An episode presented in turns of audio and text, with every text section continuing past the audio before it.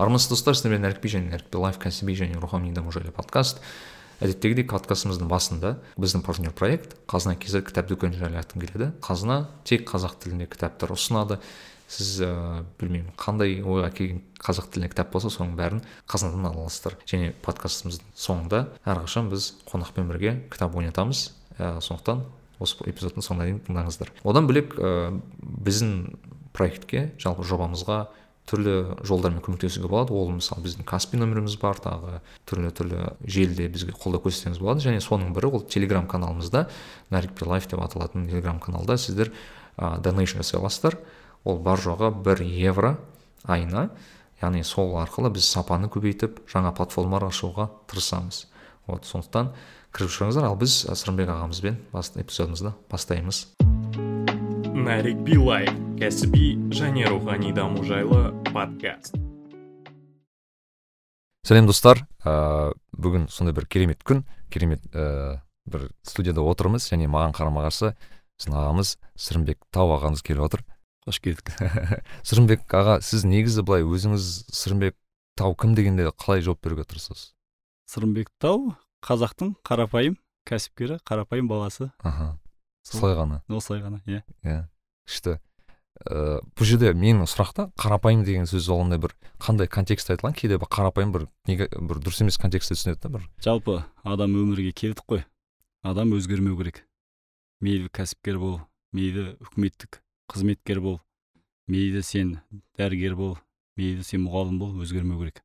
Осы өзгермей сен кішіпейілдігіңмен өзіңнің анадан туған кездегі адам айтады ғой өзін жақсы бір енді энергияңмен қалатын болсаң осы мен қарапайым деп бағалаймын да. Өйткені саған бір қаражат біткенде саған бір абырой біткен кезде өзгерсең ол қарапайымдылық емес. Сондықтан адам ә, адами қасиетін жоғалтпаса сол қарапайымдылық.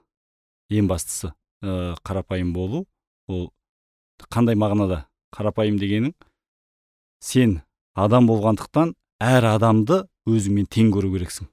Ең басты қарапайымдылық осы да. Тең көру керексің. Сен одан асып тұрмын та, тасып тұрмын деп көрмеу керексің. Бірақ төмен де санамау керексің. Төмен де санамау керексің. Сен көшеде енді мен айтайын ә, бір тазалықшы жүрсе сен өзіңді орнына қойып көр. Өйткені мен сол адаммен бірдеймін. Мүмкін көшеде енді ә, көп кездесіп жатады ғой. Адамдар қайыр сұрап отырады қандай жағдайда. Оны сені ол екеуінің ортаңда бір ақ зат бар да адам деген. Мхм. Жануар емес қой ол. Иә. Сондықтан адам болғандықтан адамнан өзіңді жоғары төмен санап ә, кетпеуің керек. Қарапайымдылығың сондай ә, сен адамгершілігіңді ұмытпауың керек. Бірақ бұл оңай бір іс емес сияқты маған әсіресе ә, қаржылық жағдай өзгерген кезде сындыра білу керек. О да мен ойлаймын біліммен ә, парасаттылықпен келеді деп. Өте көп жерде қарасаң ә, адамның дәрежесі жоғарылаған сайын адам басын ию керек. Біз ә, басымызды көтермей иіле түсуіміз керек. Ол да сынақ деп ойлаймын. Сондықтан анау ағаш секілді иә ағаш секілді. Бидайдың піскені ә, басын иеді дейді да иә, піспеген бидай ғана тік тұрады дейді. Сондықтан сен басың қанша иілген сенің кішіпейілдігің қарапайымдылығың сенің дәрежеңді көрсетеді ғой. Мм күшті. Мен енді сізге байланысты көп сұрақ бар бізде әрине. Байланысты сіз енді әрине қазір енді әлеуметтік желіде қатты көп белсенді болып жүрсіз өзім жиі сізді оқып қарап жүремін бірақ ә, кейбір мәселелер қозғалмайды екен ә, енді білмеймін ол кісі мүмкін сұрақтарды мүмкін қоймайтын да шығар бірақ мен мысалы зерттеп қарасам сіз моңғолияда туылған екенсіз әрине моңғолияда бір мың тоғыз жүз сексен екінші жылы сексен екінші жылы моңғолияда қай қаласында баян өлгей деген қазақтар тұратын аймақ бар сол жерде кішкентай ауыл бар сақсай деген сол сақсайда. Әкем сақсайдағы орта мектептің директоры болған. Сол кезде мен өмірге келгенмін. Сақсай қазақ ауылы ма? Баян өлгей жалпы қазақ ә, моңғолияда ең көп қазақ шоғырланған баян өлгей ә, қателеспесем біз тұрып жатқан кезде 92-94 пайыз қазақ ұлты тұратын алты пайыз басқа ұлт тұратын. Сол кезде ә, сақсай ә, сол ауылдың бір ә, сол баян өлгей аймағының бір ауылы ғой. Он екі ауылдан құралады. Сол жерде менің әкем білім саласында қызмет еткендіктен ноғонұр деген жерде менен бұрынғы ә, төрт үш әпкем бір ағам төртеуі дүниеге келген. Содан кейін сақсайға мектепке сол ы, директор болып келгенде мен келдім. Менен кейін екі қарындасым бар олар сол баянөлгий аймағының орталығында дүниеге келген. Мм. жалпы сіз қанша жасыңызда келдіңіз?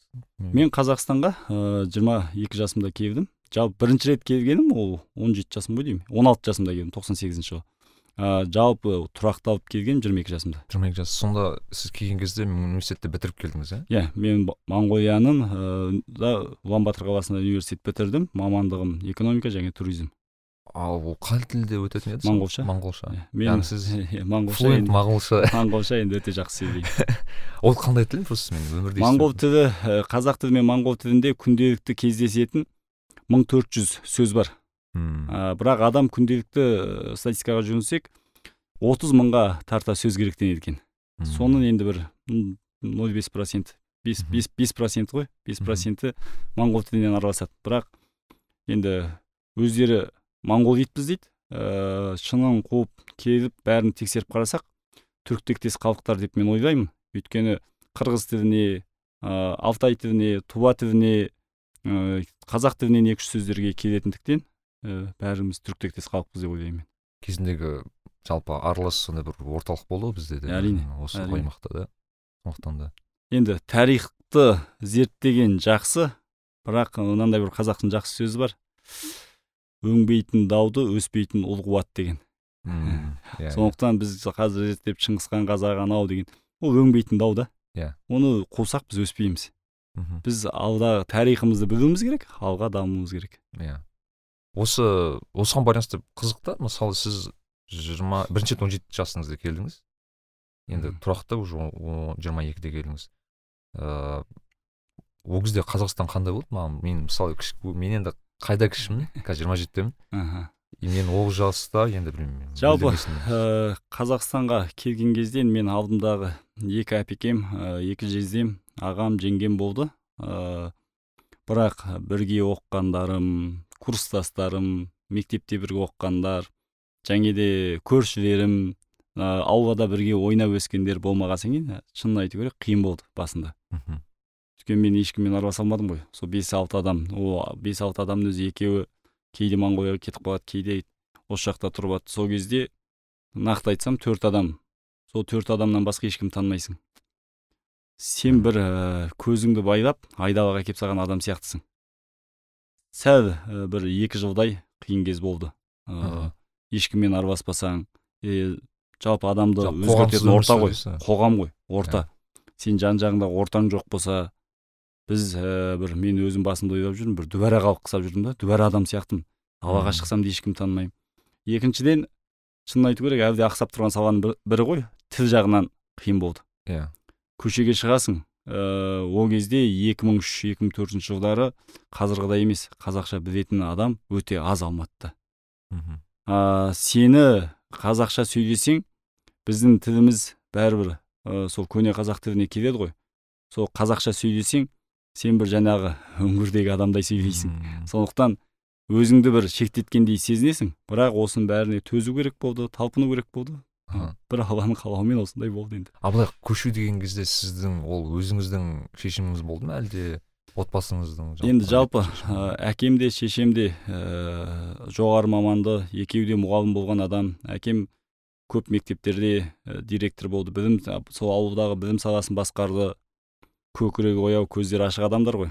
Ә, қазақстан мемлекет тәуелсіздік ала қалған кезде ең үлкен ә- әпкемді оқуға жіберді.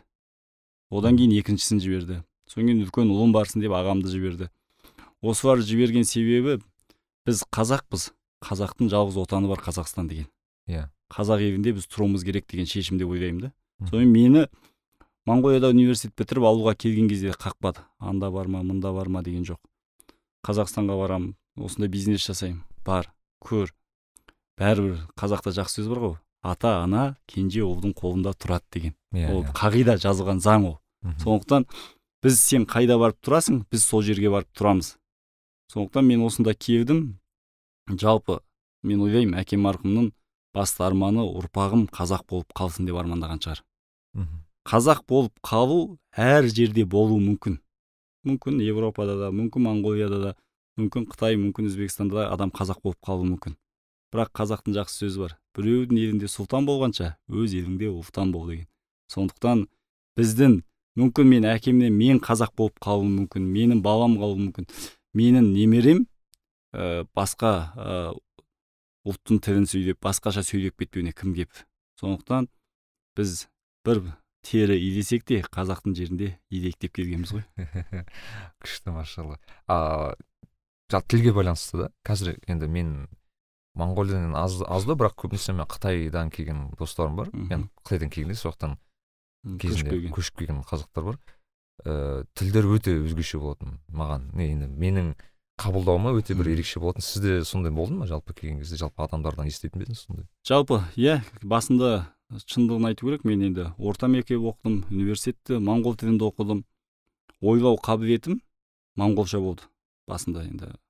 Сосын қазақша кітаптарды қазақ тілін жетік білсем де енді сол жақта тұрғандықтан моңғолша қосып жіберетін ә, жеңіл сөздер деген сөздер болады әр тілде. Сол жеңіл сөздерді моңғолша қосатынбыз. Мхм. Ана орысша қазір біз уже орысша қосып жібереміз ғой мысалы. Ә, сол сияқты ол сондай сондай жергілікті халықтың ә, бірден бір сіңісу керек. Жаппай бір сырымбек он тоғыз миллион қазақты өзгерте алмайды ғой. Иә. Yeah. сондықтан сіңісу керек болған кейін мен кітаптарды көп оқыдым. И адамдардың сөйлегеніне мұқият қарай бастадым. Бірақ ә, тіл деген жалпы үлкен бір мәдениет. Мхм. Соны сөйлеу манерасы деген де мәдениет.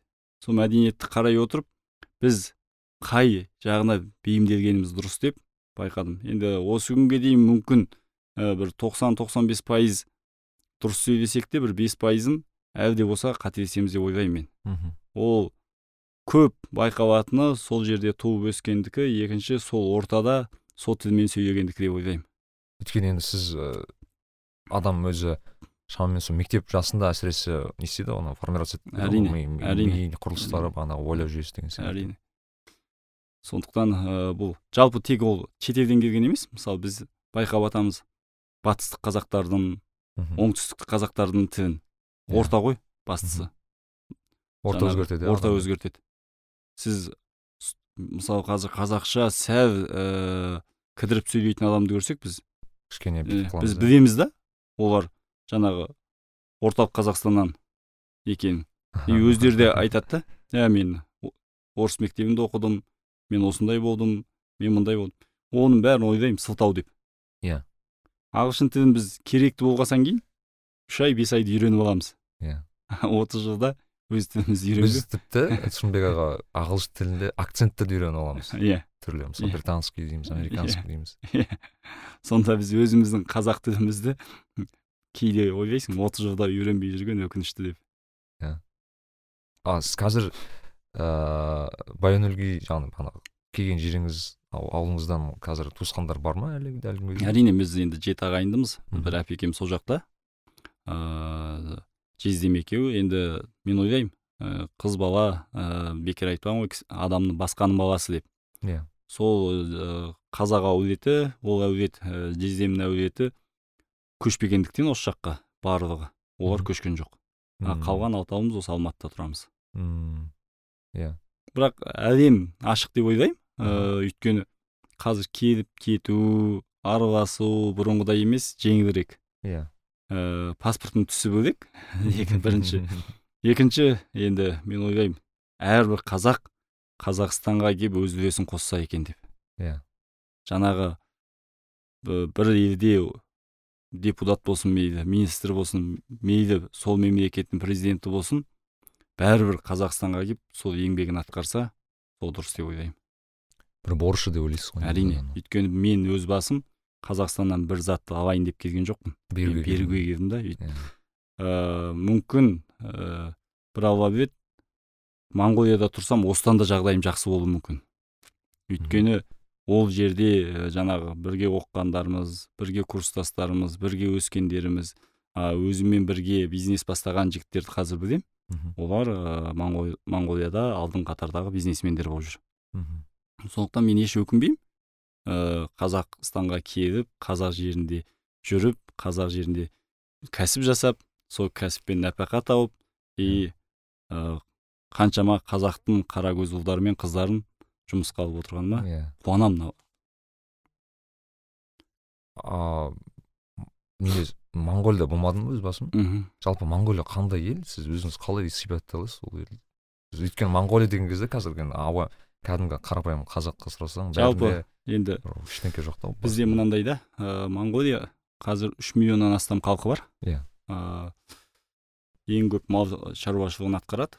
Ә, соңғы жылдары мен бір статистикасын оқыған кезде 70 миллионға тарта малы бар деп өздері негізгі сондағы мал шаруашылығы. ә, жалпы мал шаруашылығы дегенде киіз үйде тұрып айдалада мал жайып жүр деп елестетуге болмайды. Ол өзіндік өркениеті бар ең басты қаласы улан батыр деген қаласы бар. Улан батыр қаласының өзінде бірде төрт миллион халық тұрады. Жаңағы жаппай моңғолияның халқының бір қырық проценті бір қалада тұрады. бір қалада тұрады. Ә, екіншіден ә, ссср кезінде бірден бір ә, кіріп кетпеген болса да сссрге бірақ ә, бәрібір соның билігімен үкімімен жүрген мемлекеттің бірі. Ә, мен де оқығанмын сол моңғолия жалпы кірмесе де прям бірге бір прям Иә. көшірген дейді ғой Иә, несін, Ә, сондықтан бізден асып бара жатқан өзгеріс шамалы ә, қазақстан. Бірақ моңғолияның ә, бір артықшылығы жапония корея өте тығым, тығыз қарым қатынаста жапония мен кореямен ә, мен ойлаймын сол себептен моңғолияның бір кейбір заттары қазақстаннан ауызға болуы мүмкін. Өйткені ол жаңағы корея мен жапониямен ә, тығым, тығыз қарым қатынаста болғандықтан ә, ол жақтың бізге келмеген өркениеті моңғолияға келіп үлгереді тезірек. М, А, сіңісу тезірек иә сіңісуі тез. Жалпы кореядан жапониядан ә, көшіруі тезірек. А біз енді қазір қалай жасаймыз? Ә, қарасақ біз россиядан көбірек көшіреміз оны мойындауымыз керек. Иә. Сондықтан оларда сол артықшылық бар да. Кореядан ә, өркениет жағынан дамыған дамуы қайда алға кеткен мемлекеттер ғой жалпы. Жапония иә корея мысалы ол әлемді мойындатқан мемлекеттер ғой. Қазір мысалы соңғы 25 жылда ең дамыған мемлекеттердің қатарына корея жатады мысалы. Мысалы біз қазір даже тұрдық сыртта біз қаншама кәрістің машинасы тұр Иә. ана жерде. келісемін. Сондықтан ә, бізде осындай моңғолиямен ерекшеліктерін қараған кезде жаңағы ә, қазақстанда кей жоқ заттар моңғолияда болып қалады жапон заттары.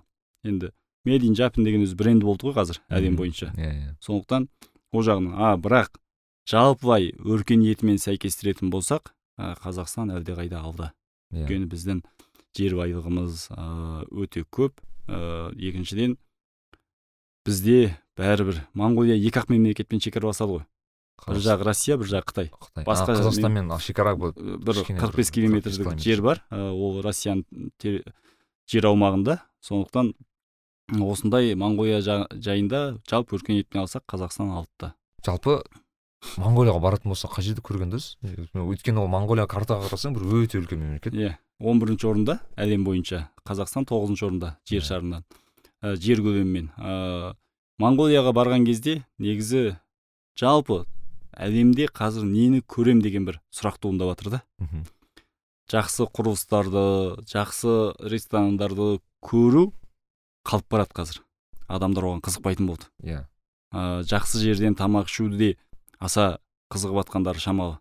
Бұрын енді білесіз мишелин жұлдызы бар рестораннан тамақ ішу деген ә, мәдениеті бар өркениеті бар мемлекеттерде арман еді. Мысалы біз алғаш токиоға барған кезде ой мишелин жұлдызы бар рестораннан тамақ ішейікші дейтінбіз. Ол деген енді бір атақ еді. Қазір мен ойлаймын әлемдегі мынау өркениетті бәрін бағындырған жетістігі бар адамдар кең табиғатта отырып ә, тамақ ішкенді ұнатады. Иә. Мен айтам моңғолияға барған адам бірінші енді улан батыр қаласы ғой жаман жақсы болсын улан батырды көру керек. Улан батырда ә, неше түрлі нәрселерді көруге болады. Бес жұлдызды қонақ үйде тұрып кигіз үйде өмір сүріп жатқан халықты да көруге болады. Мгм. соны жалпы моңғолияның кең байтақ даласын ә, машинамен шарлаған дұрыс. Машинаға отырып көлікке отырдыңыз да шарладыңыз. Неше түрлі жерлерді көріңіз. Тау тас табиғат. Ол енді бір ерекшелігі бар. Ыыы ұлан батырдың айналасының өзінде бір 300-400 километр ә, шаршы метр жерлерде қаншама затты көруге болады. Ең бастысы ә, моңғолияға барғаннан кейін жақсы жаңағы үлкен үлкен құрылыстар емес ә, Табиғатты табиғатты көруге көп уақыт бөлгенбіз көбінесе бірақ ол не ғой иә? Жалпы жазық дала. Иә жазық дала көшпенділердің енді жалпы көшпенді халықпыз дейміз ғой. Көшпенділердің жаңағы бүгінгі нағыз көшпенділерді көре аласыз. Мм, түйеге де атқа да ә, тиеп көшіп жатқан көшті көруге болады. Мхм. мынандай сұрақ бар да. Ә, қаншалықты дұрыс дұрыс емес екенін білмеймін бірақ мысалы бізде жақында бір бізде бар ғой тарихты былай болса былай болар еді былай болса былай болар еді деген түрлі түрлі сұрақтар бар. Мысалы мына сұрақтардың бірі ә, совет үкіметі келмегенде не болар еді? деген сұрақ бар да бізде кейде. Біз болмағанда яғни теоретический сұрақтар ғой әрине. Бірақ солар ә, яғни қазақ бағанағыдай урбанизация болып қазір қала салып деген сияқты осындай бір өзгеріп кетеді ғой. Халық жалпы көшпенді халықтан біз отырықшы халыққа айналып кеттік бір бір сәт ну бір сәтте деп айттық қой қиын шығар бірақ жалпы біз жүз процент көшпенді халықпыз деп айтпау керек. Иә. Біз отырықшыда халық болғанбыз. Мхм. біз совет үкіметі келмей тұрғанда мен ойлаймын мынадан біздің өркениетіміз мықты болған. Иә. Өйткені жаңағы тараздың астындағы қазбалаевтар түркістанды қараңыз оның бәрі бізді бірден бір бөлігіміз отырықшы халық екенімізді дәлелдейді. Мхм. тараздағы жердің астындағы және су құбырдары көрсек сол кезде бізде ғалымдар болған. Мхм. мен ойлаймын сол совет үкіметі келмеген кезде біз алып мемлекеттердің қатарында теңдес болуымыз мүмкін еді. Біздің енді ашаршылықтан қаншама жақсы қазақтар қырылды қаншама адамдар құрбан болып кетті қаншама иә. көшті қаншама. Сондықтан біз совет үкіметі бізге бірдеңке берді деп айта алмаймын. Мен мен өзім зерттеуім бойынша. Өйткені егер мен түркістанды көрмесем егер мен таразды көрмесем мен айтатын едім. Совет үкіметі біздің көзімізді ашты деп. А мен түркістанды таразды жаңағы отырарды бәрін көргесен кейін мен совет үкіметі қазақтың көзін ашты деп айта алмаймын. Мхм. иә. Біз- совет үкіметі болмаған кезде әлдеқайда алтыға болатын бедік. Ол өйткені алаштың кезінде ә, жапондармен араласайық деп айтқан. Иә. Сондықтан ол бекер айтпаған. Жапонды зерттемесе білмесе қалай айтады зерттеген білген әуезов кажется болған иә сол кезде біз ә, иә әуезов мысалы алаштағылардың бәрі айтқан жапондардан үлгі алайық біз жапондармен бірге алдыға дамуымыз керек деп сондықтан ең басты ә, мәселе өтті кетті біз басты енді алға қарау иә керекпіз. біз артқа қарамай қазірдің өзінде мен ойлаймын біз кіммен одақтас болып жүрміз деп Иә. біз әлі де болса кеш емес ә, тез дамып алдыға ұмтылып жатқан мемлекеттермен өте ә, қарым қатынасымызды жақсартуымыз керек ә, сол жақтан үлгі алуымыз керек керек болса бірге қызмет істеуіміз керек. Мен қазір енді бір екі үш саланы өзіміз білеміз ғой ақсап тұрған. Медицина саласы осы карантин кезінде бізге көзімізге көрсетті ақсап тұрған. Иә. мен кореядан жапониядан ұялмай жақсы мамандар сұрайтын едім. Кел бізге көрсет деген сияқты. консалтингі бер ә, біз соны талқылап ары қарай жақсы жоба жасайық деп. Қарасаңыз біз отырмыз қазір ә, сол совет үкіметінің ықпалына қараймыз. Ол деген. Бұл қай ғасырда өмір сүріп жатырмыз біз?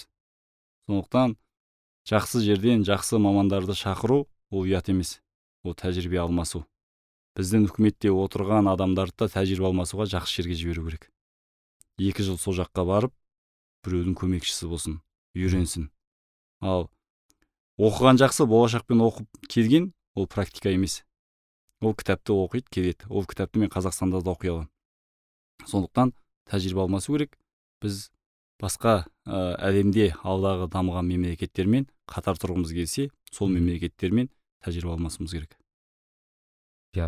Болашақтың жалпы осындай проблемасы бар себебі мен енді қазір еуропада тұрғандықтан соны көріп жатамын иә көбінесе сол оқудан шықпайды да балалар көзін Иә. ашпайды. Иә. ары кетсе бір екі мемлекетті көреді да қайтып келеді. Сөйтіп бес жылға қазақстанда қалады. Ыыы не көрді деп ойлаймын да кезде. Сол мен енді жалпы өзім сол болашақ программасы болсын басқа программалар болса ыыы ойлаймын екі жыл практикант болса деп. Аха. Бес жыл оқу емес. Бірінші екінші үшінші курсты қазақстанда оқысын. Төртінші курс. Мүмкін кей сала бойынша бесінші курсты шетелде оқысын. Бірақ ары қарай сол мамандықпен екі жыл сол мемлекетте жұмыс істесін практикадан өтсін содан кейін келсе бірінші курстан бесінші курсқа дейін шетелде оқығаннан үш курс қазақстанда төрт курс қазақстанда оқып екі жыл шетелде практикадан өткен дұрыс деп ойлаймын.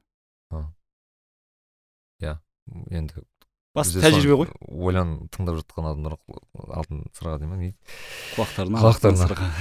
иә. Нарик билай сырымбек аға ә, сіз 22 жасыңызда келдіңіз ғой. Ә, жалпы қазақстан енді басқа енді мен білмеймін енді ол 2003 2004 жылдар. Мүлдем басқа қазақстан шығар қазірге қарағанда бірақ ә, мен бір сұхбатыңызды қарасам сіз машинамен сразу бірден ай- айналысып кеттім дедіңіз ба? Машина Иә, сатумен айналыстым машина сатумен. Маған қызықты. Себебі мен ә, жақында бір ұстаз бар.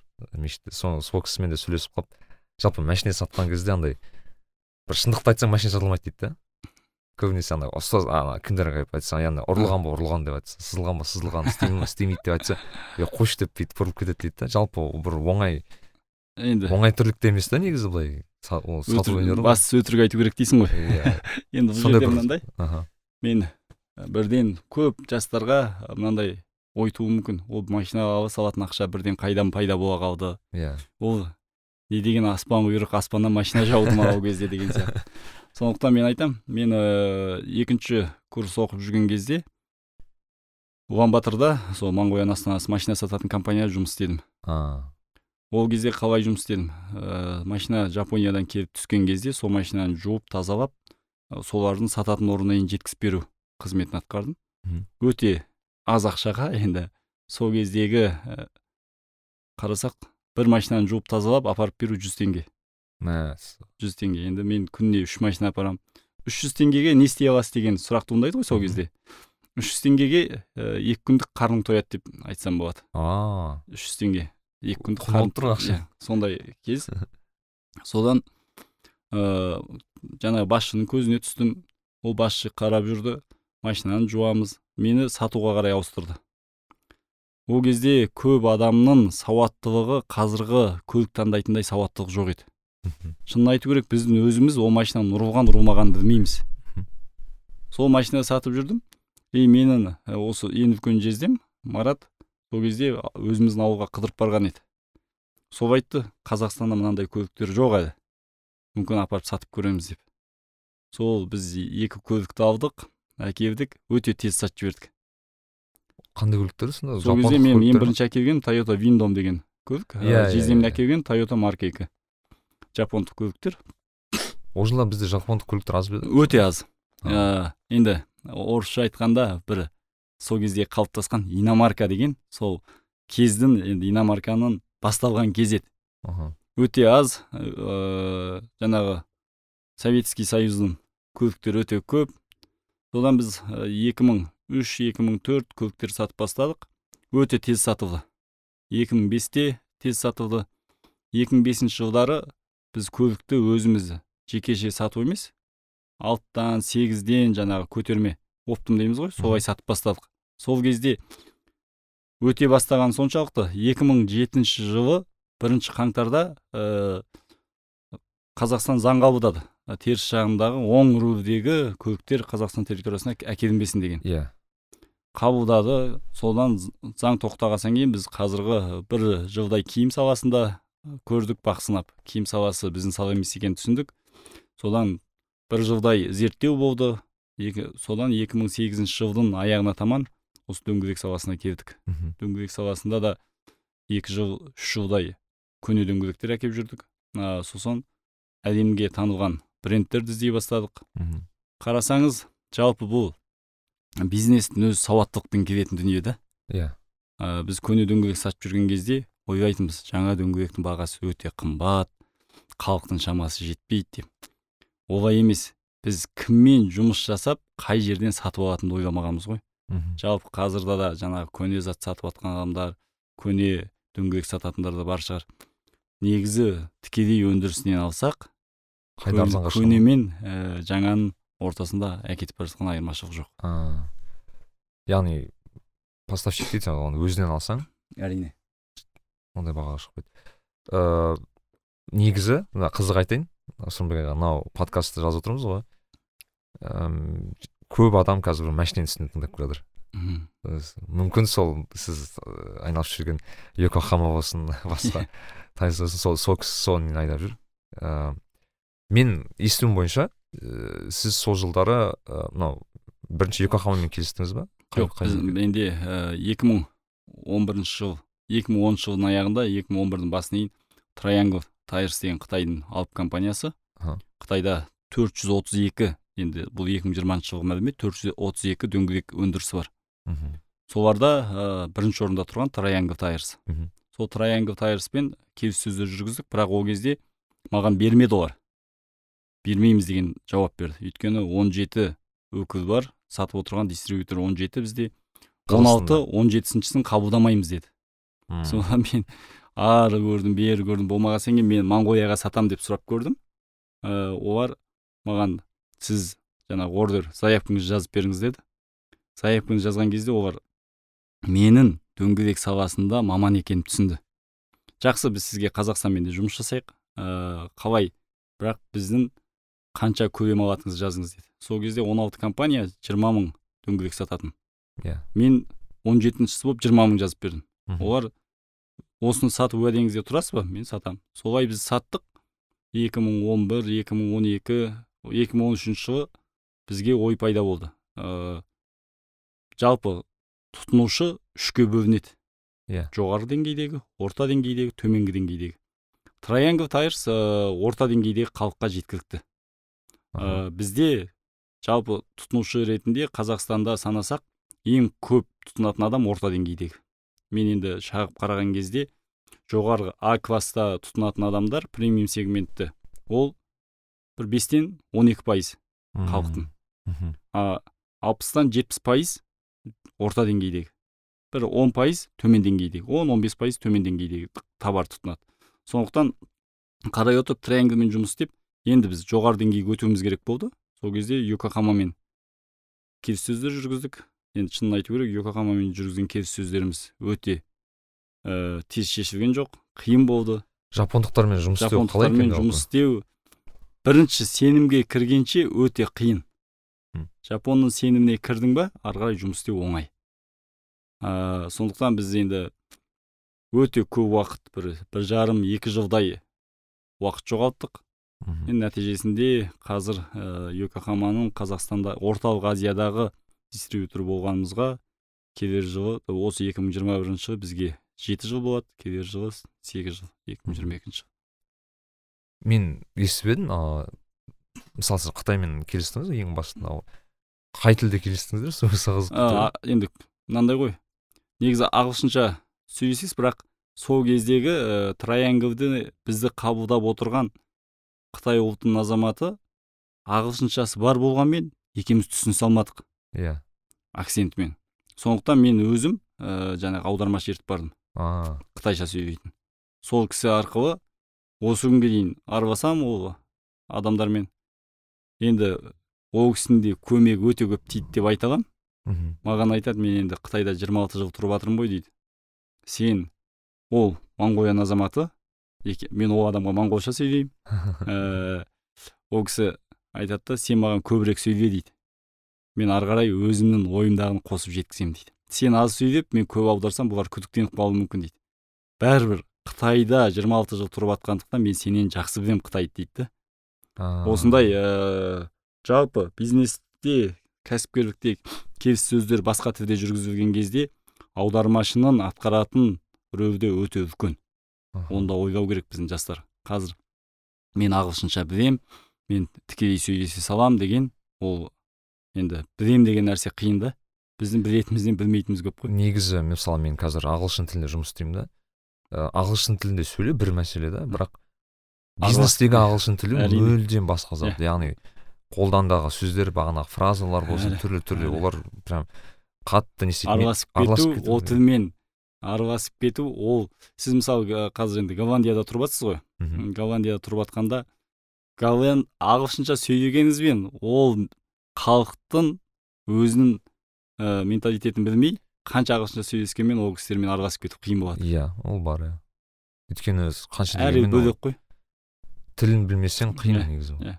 келісемін. Мен мысалы білемін 98 пайыз халық ыыы нидерланды халқында сөйлейді да бірақ оның былайша айтқанда ә, жанын түсіну үшін сен олардың тілінде сөйлеу керексің Иә. оны түсіну үшін иә жаным сонда. ішіне кіру үшін. Ал былай иә саған бүйтіп күліп жақсы қарайды ғой. әрине.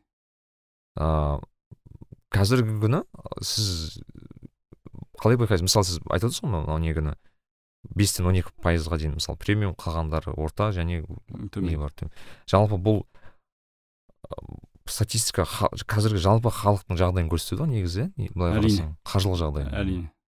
Енді мынау карантин кезінде орта деңгейден төменгі деңгейге түсіп кеткендер көп болды шынын айту керек ыыы карантин кезінде ә, орта деңгейден жоғары деңгейге өтіп кеткендер өте аз. Сондықтан мен ойлаймын қазір жоғарғы жаңағы ә, жаппай мынандай бір қызық статистика бар. Ә, әлем бойынша еш қиналмай мың долларға таңғы ас іше алатын адам бір ақ процент. Еш қиналмай. Бір ақ процент ойлаңызшы жеті миллиард жетіде екі деп шықты ма жетіде екі миллиард халықтың бір проценті ғана мың долларға ойланбай таңғы ас іше алады ал жалпы ә, халықты қарасаңыз ә, біз бір нәрсені ескеруіміз керек.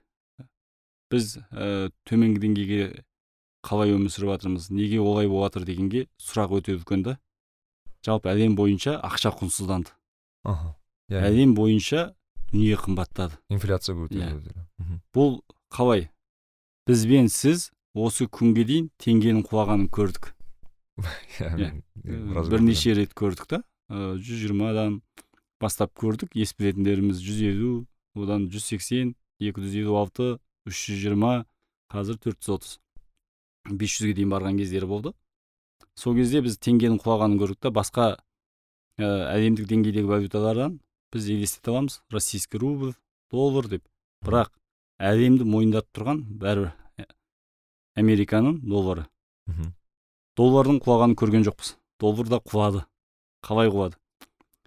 Біздің қолымызда ә, осыдан бір жыл екі жыл бұрын дейікші мың доллар болса біз не сатып ала алатын едік?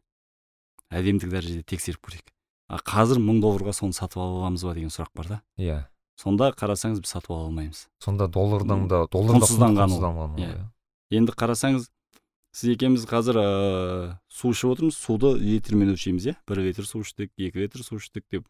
Ә, үйге бару үшін шақырыммен өлшейміз. он километр екен деп.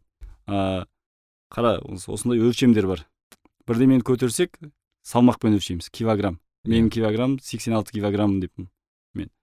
Ә, мен мысалы айтпаймын ғой бір жарым нәрік бимін деп. Со- сондықтан әлемде ақшаны доллармен өлшеп кетті. Иә. Бұл өлшемге айланып барады. Ыыы ойлаймын енді американың да мақсаты сол болған шығар. Ыыы бізде қазір сіз қалтаңызға ақша теңге саласыз да бір жарым миллион теңгеңіз бар қытайға барсаңыз бір жарым миллион теңге қанша юан деп сұрамайсыз Мм. қанша доллар деп сұрайды Қанша- сіз ә, европаға барсаңыз да доллармен айтқанды жақсы көресіз. Қанша евро евросоюз болып тұрса да. Біз қалтамызға ақшаны саламыз да жапонияға барамыз иен деп айтпаймыз. Былай қарасаң жүз жүз отыз миллион халық керектеніп жатқан құнды қағаз иә мысалы доллармен екі мемлекет айтайық мысалы австралия мен там не знаю қытай араласса Иә. Екеуінің екі түрлі валютасы ортақ не? Доллар. Болады. Иә. Сондықтан біз долларды ақшаның өлшеміне айландырдық. Иә. А сол айландырған өлшем құнсызданып жатыр қазір. Ол құнсызданды деген сөз әлемдік деңгейдегі құнды қағаздардың құнсыздануы. Ол құнды қағаздың ішінде мына ақшаны жатқызып жатырмын мен. Ақшалардың жаппай құнсыздану ол неге соғып жатыр? Жаппай дүниенің қымбаттауына жаппай әлем бойынша адамдардың алып жатқан жалақысынан төмендеуіне. төмендеуіне. Сол кезде осыны енді қазақстанға қалай әкеліп формулаға салып көреміз. Біздің халық қазір ә, бұрын 120 мың теңге алған кезде мың доллар алып тұратын болса қазір 300 долларға жетпей қалды. Бір құлдырады ма? А, екінші доллардың құнсыздауына сәйкес әлемдік деңгейдегі бүткіл өнімдердің өсуіне сәйкес екі құлдырады иә. осыдан болып төменгі деңгейдегі халықтың жағдайы қос жағдайы байқалады. Сондықтан біз қараған кезде мысалы жалғыз бір екі үш затты алайық. Арматура. Мен үй салған кезде бір тонна арматура жүз сексен алты мың теңге болған. Ол кезде доллар жүз елу еді.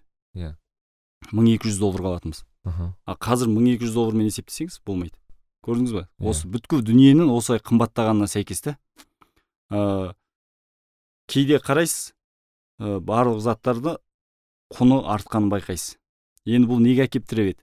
Бұл карантин кезіндегі бүткіл пандемияның басталғалы ең көп керектенетін нәрсе біздің тамағымыз екенін байқаймыз да. М, сондықтан әлем бойынша ә, мен өзім енді статистиканы жақсы көремін есептегенде. Тамақтың бағасы өсті. өсті. 12-ден 18 пайызға дейін өсті. Жалпы сонда сырымбек аға жалпы әлемде сонда кедей адамдар саны да өсті көбейді әрине. Кедей адамдардың саны көбейді. Ә, процентировкаға шақсақ пайызбен қарасақ ә, төрт пайыз байлар өссе ә, 12-ден 18 пайыз кедейлер өседі.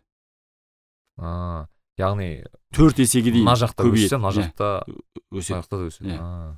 Сондықтан біз осыны енді жалпы бір ойлаймын біздің дәуір емес ә, біздің немерелеріміздің дәуірі ма мүмкін? Екі мың қырық па екі мың қырық бес екі мың елуге мен енді өзім болжам сол кезде бір ақшаға қызықпайтын ұрпақ келеді. Ұрпақтар болады. Иә. неге? Ә, бизнесмендердің де мазасы қашатын уақыт келеді.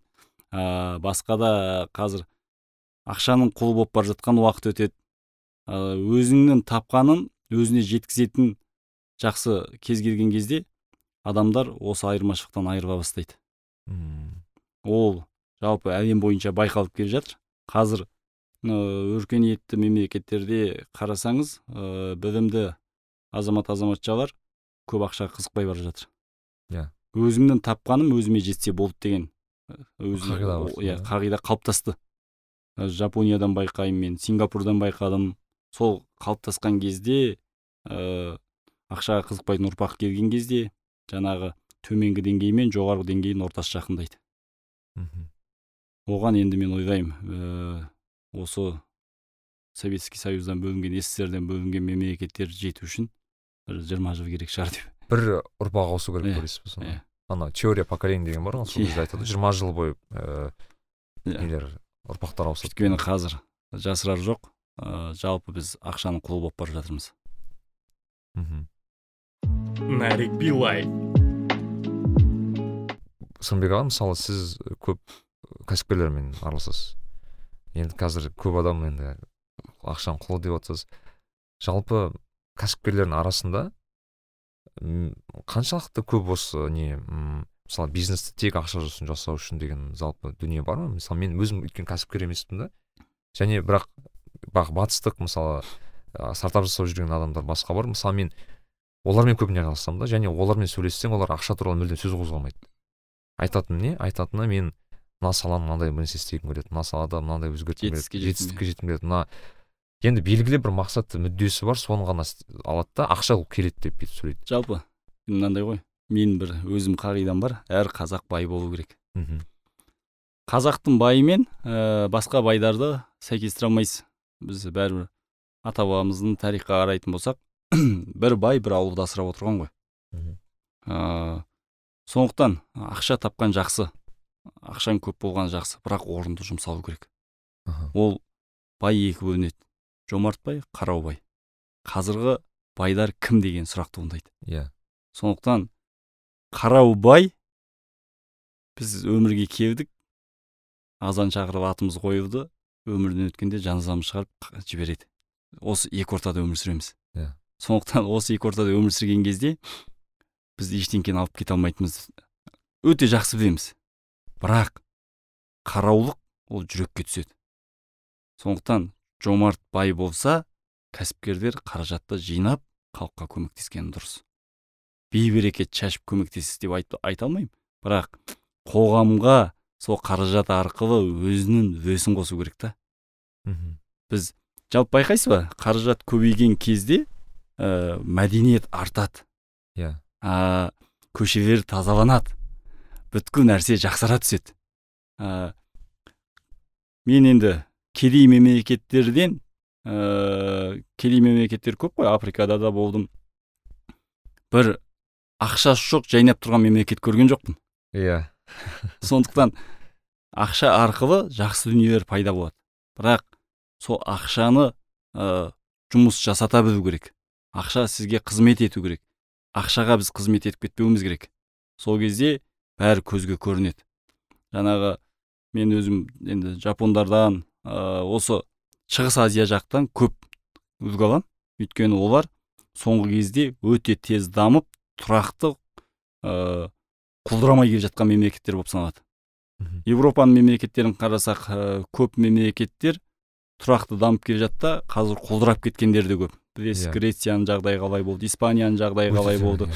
бәленбай жыл тарихымен келе жатыр. Бірақ а, енді қазір қарасақ біз шығыс азияның мемлекеттері дамып келе жатыр бірақ құлдырымы жоқ. Сондықтан біз соларды алып қарасақ олар ә, жаңағы ақшаны басқара біледі да. Басқарған кейін ол жұмсай біледі. Жұмсай біледі деген сөз ақшаны тапқанына сәйкес өзіне жарата біліп жатыр. Мен ойлаймын кәсіпкер бай болу керек бай болғаннан кейін жомарт бай болу керек. Болсаң да жомарт бай Иә, бол деп айтады. жалпы бірақ қараңызшы жомарттық деген қасиет бар ғой. Ол әр адамға беріле беретін қасиет емес қой ойлайсың. Или ол просто сұрақ мынандай жомарт адам болу ол туыла ма әлде оны ала ма? жоқ. Ол ә, жомарт адам жомарт болу әр адамның өзіне байланысты. Туылғаннан емес ол. Ол Иә. мен ойлаймын ортаға да байланысты. М, сен жан жағыңдағы былай ойлайық ә, бес жомарт бес қарау бай болды деп. Мхм. ә, жомарт бай қараубайдың ішіне түссе де жомарт болып қала береді. М, а қараубай жомарт байдың ішіне түссе жомарт жомарттыққа айланады сондықтан жаңағы орта өзгертеді да. Орта өзгертеді бізде қазақта білесіз ғой. Сасық намыс бар қызғаншақтық бар көре алмаушылық бар деген сияқты заттар бар. Оны сол ортадан өзгертіп алады да. Орта өзгертеді ортамен бірге жақсы жаққа еліктейсіз жақсы жаққа дамисыз. Сондықтан біз ең бастысы ортамызды дұрыстауымыз керек қой.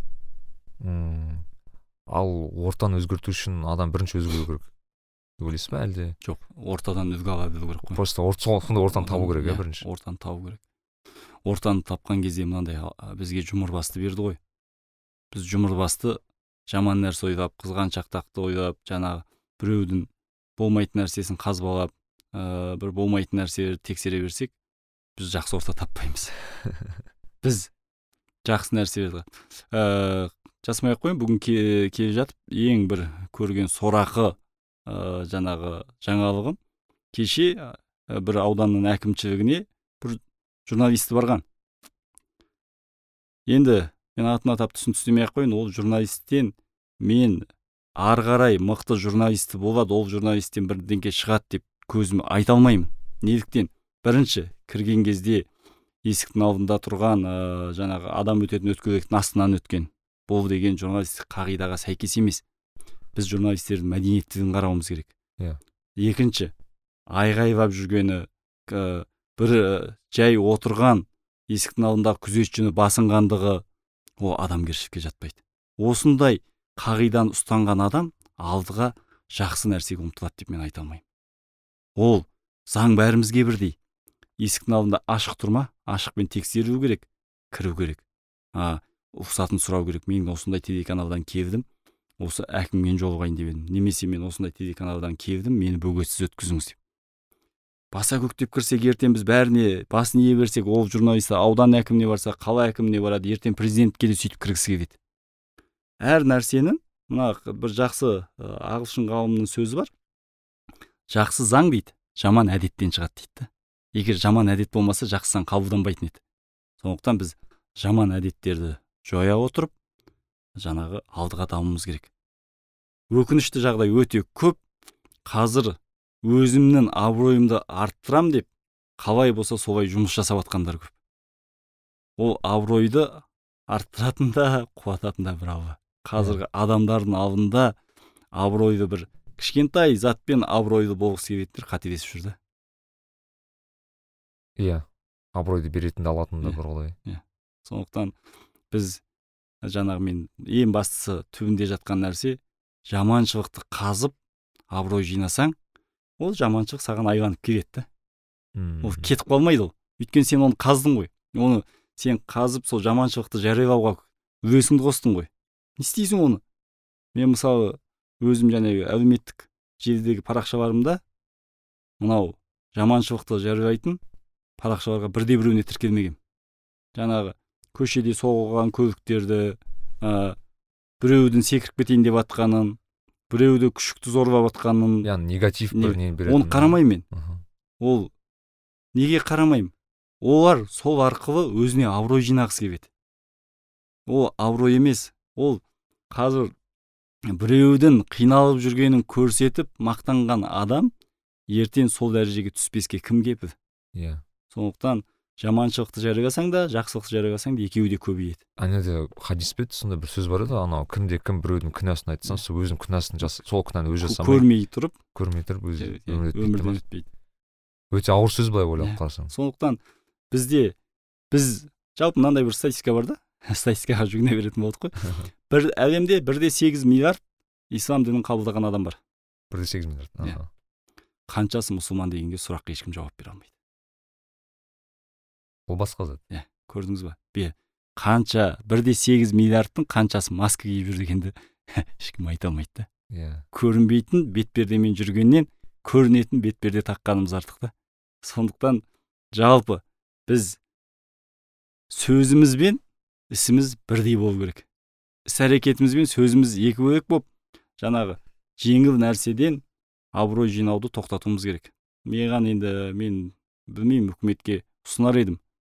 Ә, мынау жаңағы вайнер блогер дейді. Ыыы және хайп жасап жүрген журналистер осыларға заң қабылдау керек. Иә. Біз мемлекетіміздің шырқын бұзбауымыз керек.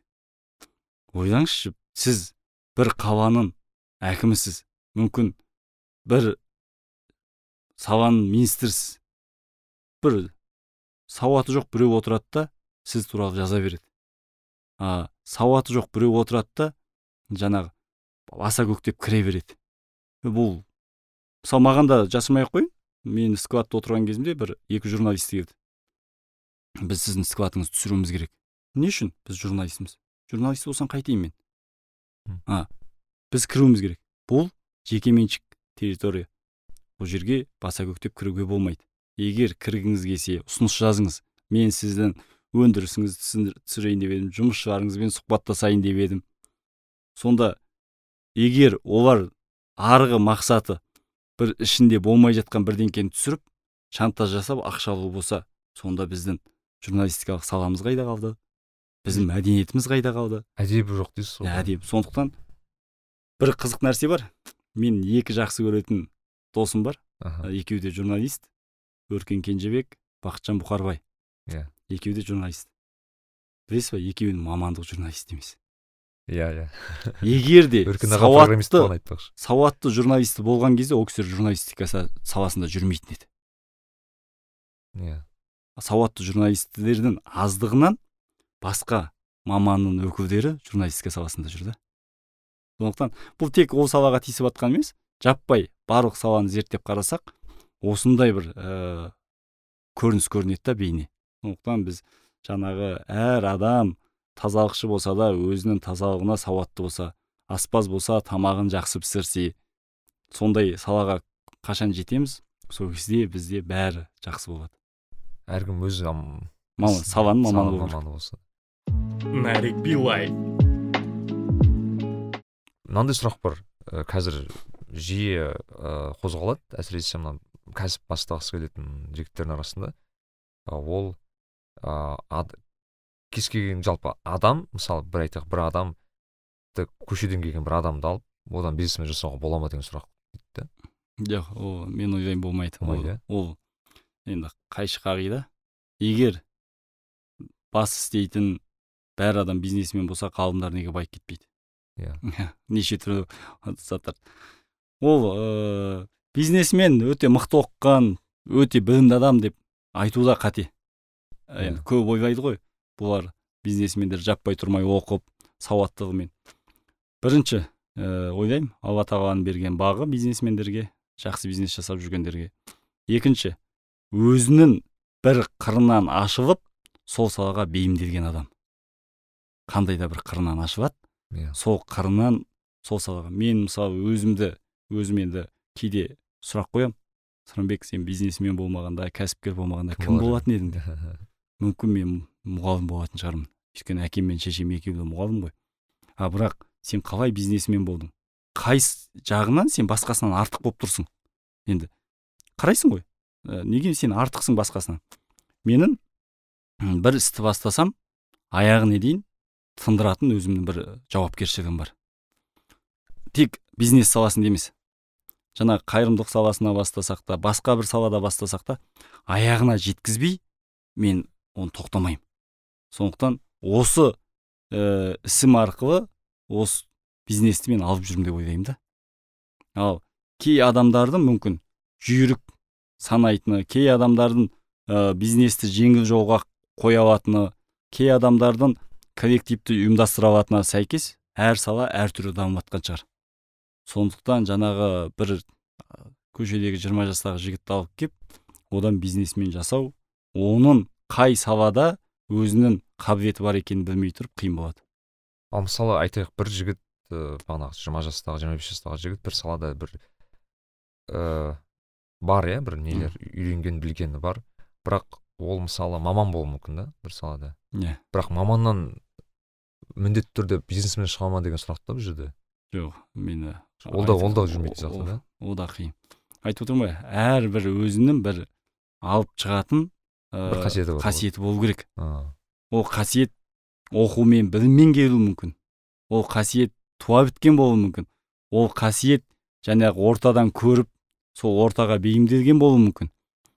Ә, қалай келсе де ол болу керек. болу керек ол. Ал олсыз мен ойлаймын ол мен кітаптардың бәрін оқып алып ә, барлығын жинап алып ондай бір өзінің ерекшелігі жоқ алдыға атып шығатын бизнесмен қиын болады. Ол мысалы сіз айтып ойлайсыз ба бір бар ма сіздің ойыңызда мысалы қандай қасиеттер көбіне ол керек? Енді мен де мен өзім жалпы айтам ә, қасиеттің сыртында мынандай нәрседен. Аха. Біз қазақ надандықтан аулақ болуымыз керек. Иә. бизнесмен болып надан болсаң сен бизнесмен емессің онда. Содан сенде алауыздықтан ал- алыс болуымыз керек. Бизнесменсің ба екі адамның ортасында алауыздықтасып жүрсең сен бизнесмен емессің. Мгм. жалқаулықтан алыс болуымыз керек. Сен бизнесің ба таңертең ерте тұр кешке жай жат орныңа өзіңнің деңгейің қойылғанша. Бір деңгей қойылады бизнесменде соған дейін сен ерте тұр жай жат конкурентің сегіз сағат жұмыс істесе сен он сағат істе. Бұл да қасиет сен шыдамдылығың төзімділігің. Иә. Соған біз бизнесменбіз ба қазіргі салада қарасаңыз жағымпаздық деген бір жаман нәрсе бар. Иә. Ол бизнесте емес бұл бүткіл қоғамның ауруы бұл. Иә. Осы жағымпаздықтан алыс болуымыз керек. Жағымпазданып байып кеткісі келетіндер көп болса да бұл ұзаққа бармайды. Сондықтан мен айтам ә, осы қасиет осы жаман нәрселер мен жақсы нәрселер сенен алыс болса сенде жаңағы алдыға дамитын қасиетің болады. Мхм. ал жалпы қазақты білесіз ғой ал біреудің ала жібін аттама осы сөздің бәрі бізге жақсы жағынан келген да. Мысалы жаңағындай сөздер бар ғой аузы қисық болса да байдың баласы сөйлесін. иә. ол неге енді сіз осыны талдап көріңізші қалай талдайсыз? Мысалы мынандай да мен ойлаймын. Ақшаң жоқ болса үндеме деген сөз негізі. А сондай мағынада мен ойлаймын енді солай деп. Неге? қызық мағына иә неге? Аузы қисық болса да байдың баласы сөйлесін деген оның жеткен жетістігі бар да. Иә жетістігі бар. Сен жеткен жетістігің жоқ болса оның алдында не айта аласың? Просто андай да терең да мағына. Жетістік деген ол бір өлшену керек қой. Және жетістік қазіргі Иә. күні ол ақшамен өлшенеді. Иә. байдың баласы деген. Ыыы жаңағы біз советский союзда айттық қой. Байды деген сөзді жаман ұғым қылып тастаған советский союз. Бай жақсы ол. Жаман емес. Иә. бай деген сөз жақсы. Біз қазіргі күнге дейін барсақ та сырма ауыз мысалы, жаман сөз қылып тастаған да. Бай десең ой ана Иә. байлар деп түсіреді да мысалы ол- ол сол бізге ііі сссрден қалыптасқан жаман сөз да. Ата қараңыз. Байдың несі жаман? Өз дәрежесімен байысын өз еңбегімен байысын. Ол бай болмағанда саған бермесе де сұрамайды. Иә. Ба- енді қараңыз қоғамға бір үлесін қосады ғой. Қазір американы кім қалыптастырды? Американы кәсіпкерлер қалыптастырған. Иә. американы америка болып тұрған кәсіпкерлердің арқасында. Ал сол америкаға барғысы келіп еліктеп жүрген қаншама адам бар. Онда байдарды жек көретін болса америкаға бармасын оның бәрі. Сондықтан байдың да екі түрі бар. Жаңағы біздің халық осыны ажырату керек. Өз еңбегімен дәрежесімен байыған жаңағы басқа да жолмен байыған. Еңбек дәрежесімен өзі байыған азаматтарды мен ойлаймын олар әрбір істің жолын біледі. Әрбір істі өз әдебін біледі. әдебін біледі да. А басқа мен жаңағы біреу жарайды мемлекеттен байыған шығар біреу басқа жақтан байыған шығар оларға ештеңке айта алмаймын. Бірақ жаңағы бай деген сөзді дұрыс қолданғанымыз дұрыс та. Бізде қазір ой анау байдың үйі анау сондай е ол бай болса ол сенің дүниеңді ұрлап алған жоқ қой андай да бар иә мысалы қараңызшы мысалы анау дін жағынан қарасақ әр адамның өзінің ризығы бар ғой әрине ііі и мынандай бір жақында бір ұстазбен сөйлестік та тоже айтады негізі былай қате пікір дейді да мысалы бір біреуден бір нәрсе алып қойса мен оның ризығын алдым деген дұрыс емес менің ризығым мен сенің ризығың мүлдем бір біріне қатысы жоқ дейді да мүлдем қатысы жоқ жалпы кез келген адам басқаның ризығына Бізде- енді дін жағынан келетін болсақ бес парызымыз бар да. Иә. әп әдемі біз кейде осы бес парызды орындамай тұрып терең жағына үңілеміз. Бізде ә, бес парыздың ішінде зекет деген парыз бар. Иә. зекетіңді бер мал мүлкіңді арттырайын деп тұр. Біз зекетімізді бермей мал мүлкімізді кемітеміз да ренжиміз. Айтып тұр ғой зекетіңді бер мал мүлкіңді арттырамын дейді. Мхм. жәнегі айланып келгенде жомартбай қараубай. Қараубай зекетке де қарау болады. Иә. Содан осыдан туындайды да. Зекетті бермеген сайын оның дүниесі сәл азайса мен дүнием азайып бара жатыр деп одан ары қараулана түседі. Иә. бізде мынандай қызық болды. М, аңға барайық қасқырға деген. Енді мен өзім охотаға жоқпын ондай. Мхм. айттым мен қасқыр атпаймын.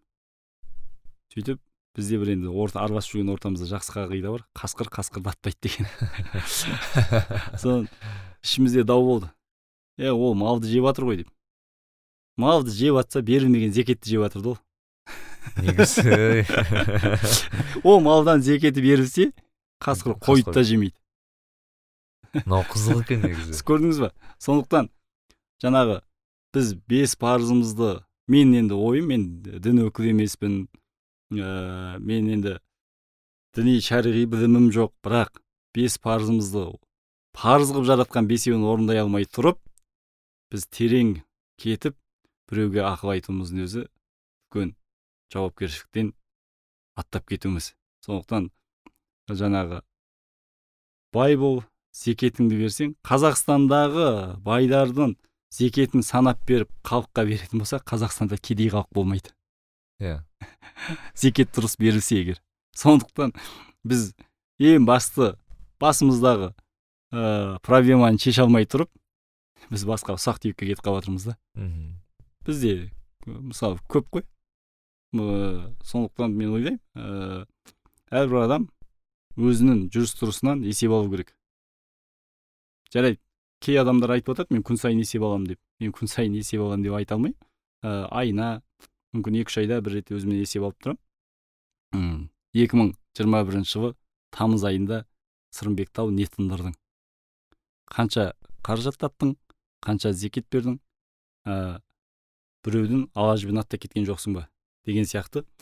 Әр айда болмаса кейде екі айда үш айда кейде алты айға созылады. Ә, сізге жаңағы бес парыздың бірі оразаны берді ғой. Рамазан айы есеп айың ғой. Отчетный отчет есеп. Сен жыл бойы не істедің. Ана компанияларда финотчет Иә. болса бұл жерде Иә. басқа отчет болады рухани отчет жыл бойы не істедің? Ә, енді қараңыз. Рамазанды сен қалай өткізіп жатсың Иә.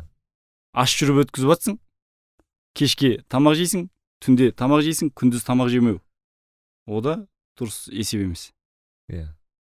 Сондықтан ә, бізде ол біз енді сәл дін жағына айтып жатырмыз ғой. Діни мамандар оны өздері терең айтатын шығар. Жалпы әр нәрсенің әр қағиданың жүріс тұрыстың өзінің есептері бар. Саған берілетін. Ә, қаражатты басқаруда сол сияқты есепті сіз екеуміз бүгін бір айда он мың доллар ақша табатын болсақ ә, жалпы көтере алмай қалатын жас болсақ көтере алмай қалуымыз мүмкін. Салмағы бар да. Жиырма екі жаста мен 2004 жылы сондай қаражат тапқан шығармын. Мен шынын айту керек мен көтере алмадым. Қалай көтере алмадым? Менен ақыл сұрап ә, ақыл сұрап жіберетін бір үлкен кісілер болған жоқ қазақстанда. Ә, қаражатты қалай басқаратын тәжірибем болған жоқ. Менің ойым жапонияның машинасын сатуым керек ақшасын жапонияға жіберу керек.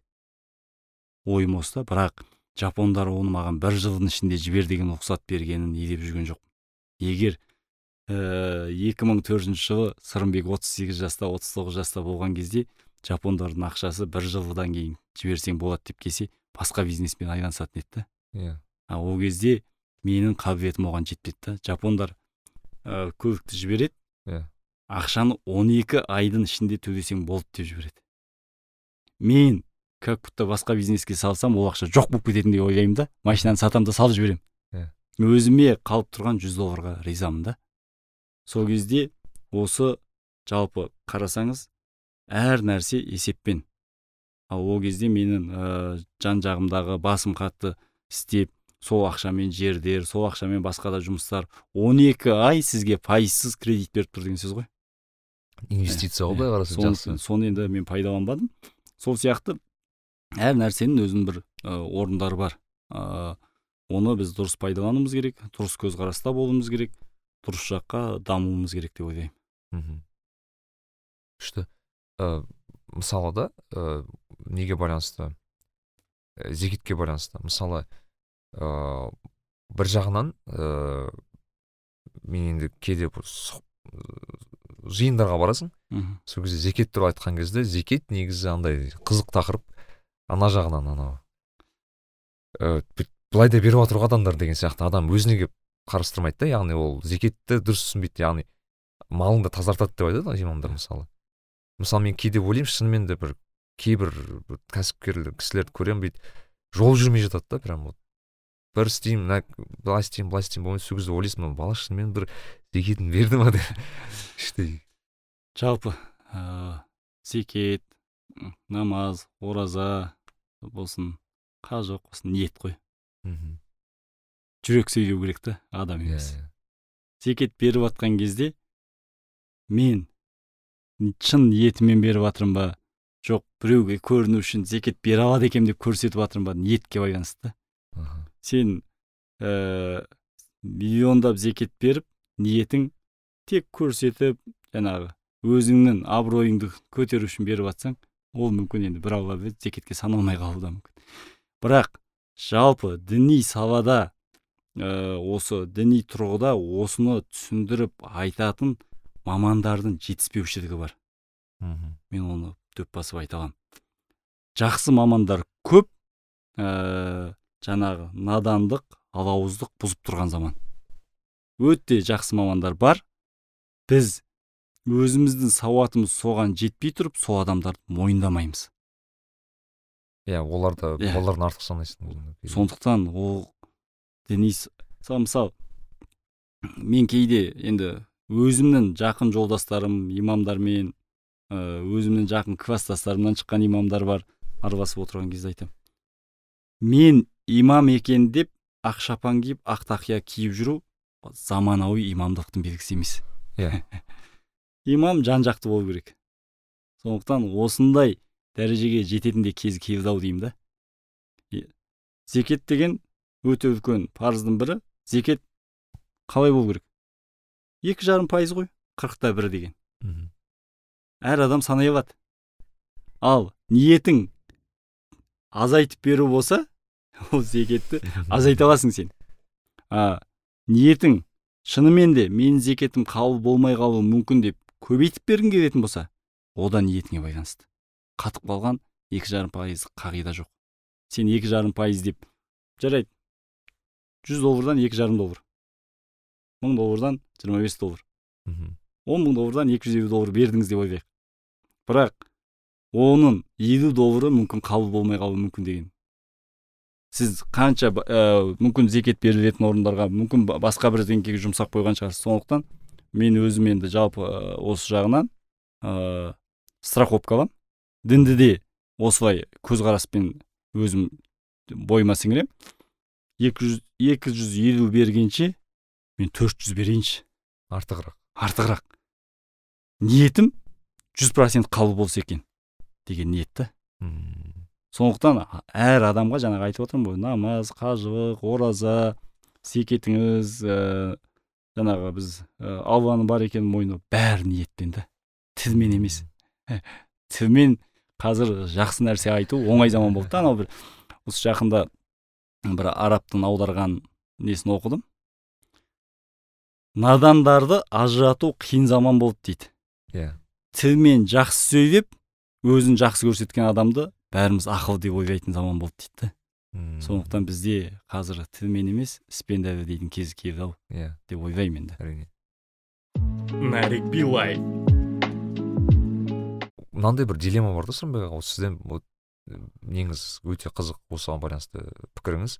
Мысалы ыыы ол көп көбіне мен енді кәсіпкер адамдардың арасында көремін. Мысалы адам айтады сен өзің бір мақсатың болса сол мақсатыңды жеткен секілді мысалы киін машине ал немесе солай өмір сүріп көр сен типа мотивация аласың деген сияқты. Жоқ мен вот және оған келіспейтін адамдар жоқ қой сен шама шарқыңа байланысты жылжуың керексің деген сияқты. Осы екі адамның ішінде қайсысына жақын деп ойлайсың? Мен енді ол білемін ондай енді онда ысырап деген дүние қайда қалды ол ысырап па сол әрине сенде жоқ болып тұрып кредитке қымбат көлік алсаң сенде жоқ болып тұрып жақсы киімдерді кредитке алсаң сенде жоқ болып тұрып бүткіл нәрсені қарызға істеп жүрсең мхм ертең сенің сол кредит төлемей тұрып өліп кетпеуіңе гарантия бар ма. Сондықтан қажеттілікке сәйкес өмір сүру керек.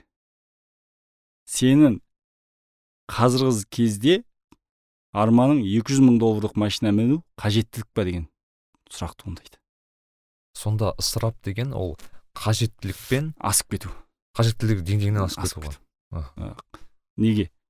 Мынандайды мен енді өзім ысыраптан алып тастаймын қалай? Сенде жағдайың бар. Ақшаң көп. Ала бер 200 мың долларға. Жарат өзіңе. Мхм не болыпты зекетіңді беріп отырсың ғой дұрыс. Жарата бер. Ал сенде дымың жоқ. Бар да 200 мың қалып алып сол ол дұрыс емес ол.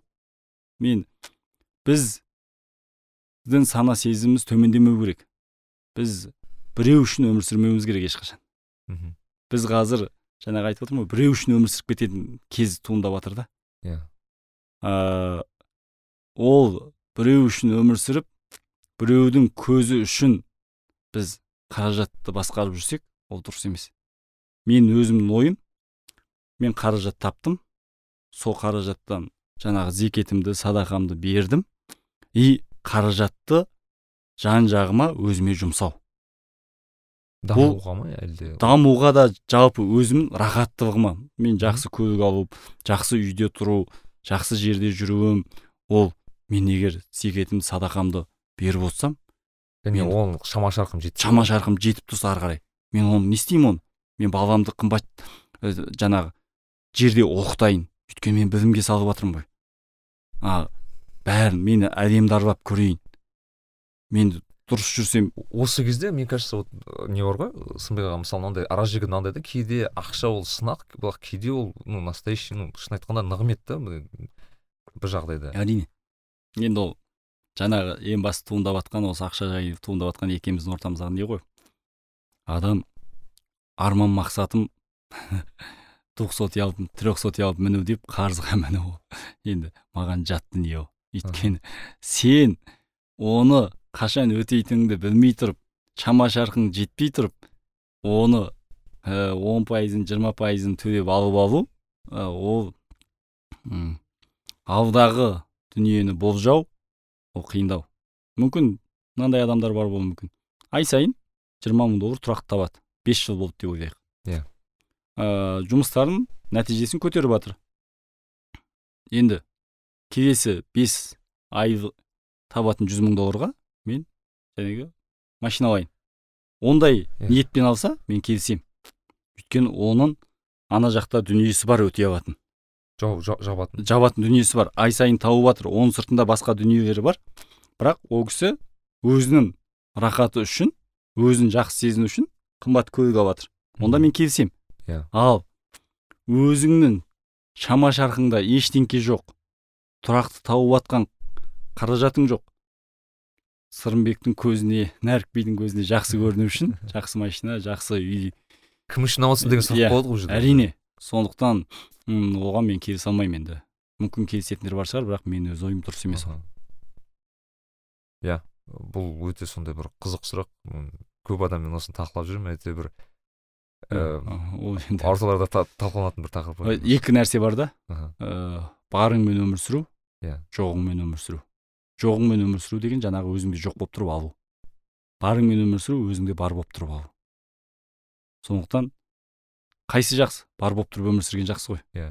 Жоқпен өмір сүріп сол мініп жүрген көлігіңе қызмет істеп ә, мініп жүрген тұрған үйіңе қызмет істеп төлеп өткеннен содан сәл төмен көлік алып содан төмен үйде тұрып барыңмен өмір сүрген әлдеқайда жақсырақ деп ойлаймын. М, керемет.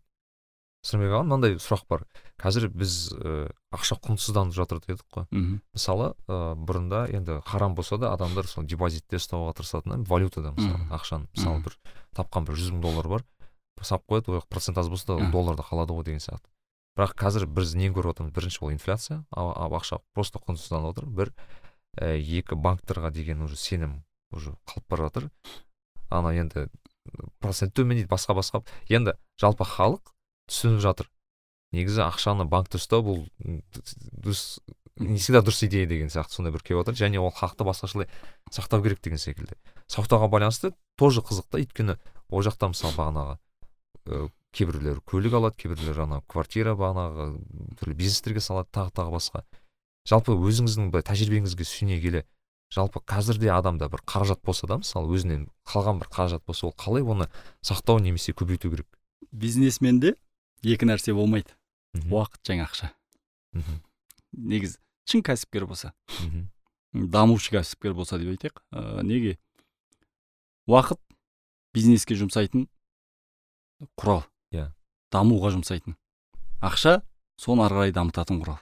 М, сондықтан егер сіз дамушы кәсіпкер ұмтылып келе жатқан кәсіпкер ә, өзіңнің бір шарықтаған шегіңе жетпедің деп ойласаң бизнесмен әрқашан ақшаны өзінің бизнесін ары қарай дамыту үшін салып отыру керек. Бір салаға жетістікке жетсе екінші саласын бастасын үшінші саласын бастасын солай бизнесмен дамиды да оның депозитке салып қоятын қаражаты болмайды. Иә. А енді қалай айлықтарын айлап жинайды мысалы мынандай адамдар бар. Ыыы бес жүз мың теңге жалақы алсын. Иә. жүз мың теңгесін ай сайын депозитке салып отыратын адамдар бар. Енді ол болашағын қалай елестетеді? Осылай жинап мен бір жақсы көлік алсам осылай жинап мен жақсы үй алсам деген ол адамдарға келісемін банкке салсын бірақ тұтынатын сол мемлекеттің ә, валютасын қырық процент ұстасын менің қағидам. Теңге болса мысалы теңге. Қазақстанда тұрып жатса қырық процент теңге болу керек. Ол не себепті? Ә, сіз күнделікті ә, керек жағдайда ақшаны шешіп алып бұзып қайта ақшаға ауыстыру сіздің бірінші уақытыңызды жоғалтады екінші ақшаңызды құнсыздандырады иә иә. Біз былай есептейік. Долларды алдық та салып қойдық. Ертең маған ыыы жүз мың теңгелік доллар керек болса мен жүз мың теңгені банкіден шешіп аламын. Ә, алмастырамын. қайтып долларды алмастырамын. Сол кезде біз курстан жоғалтамыз.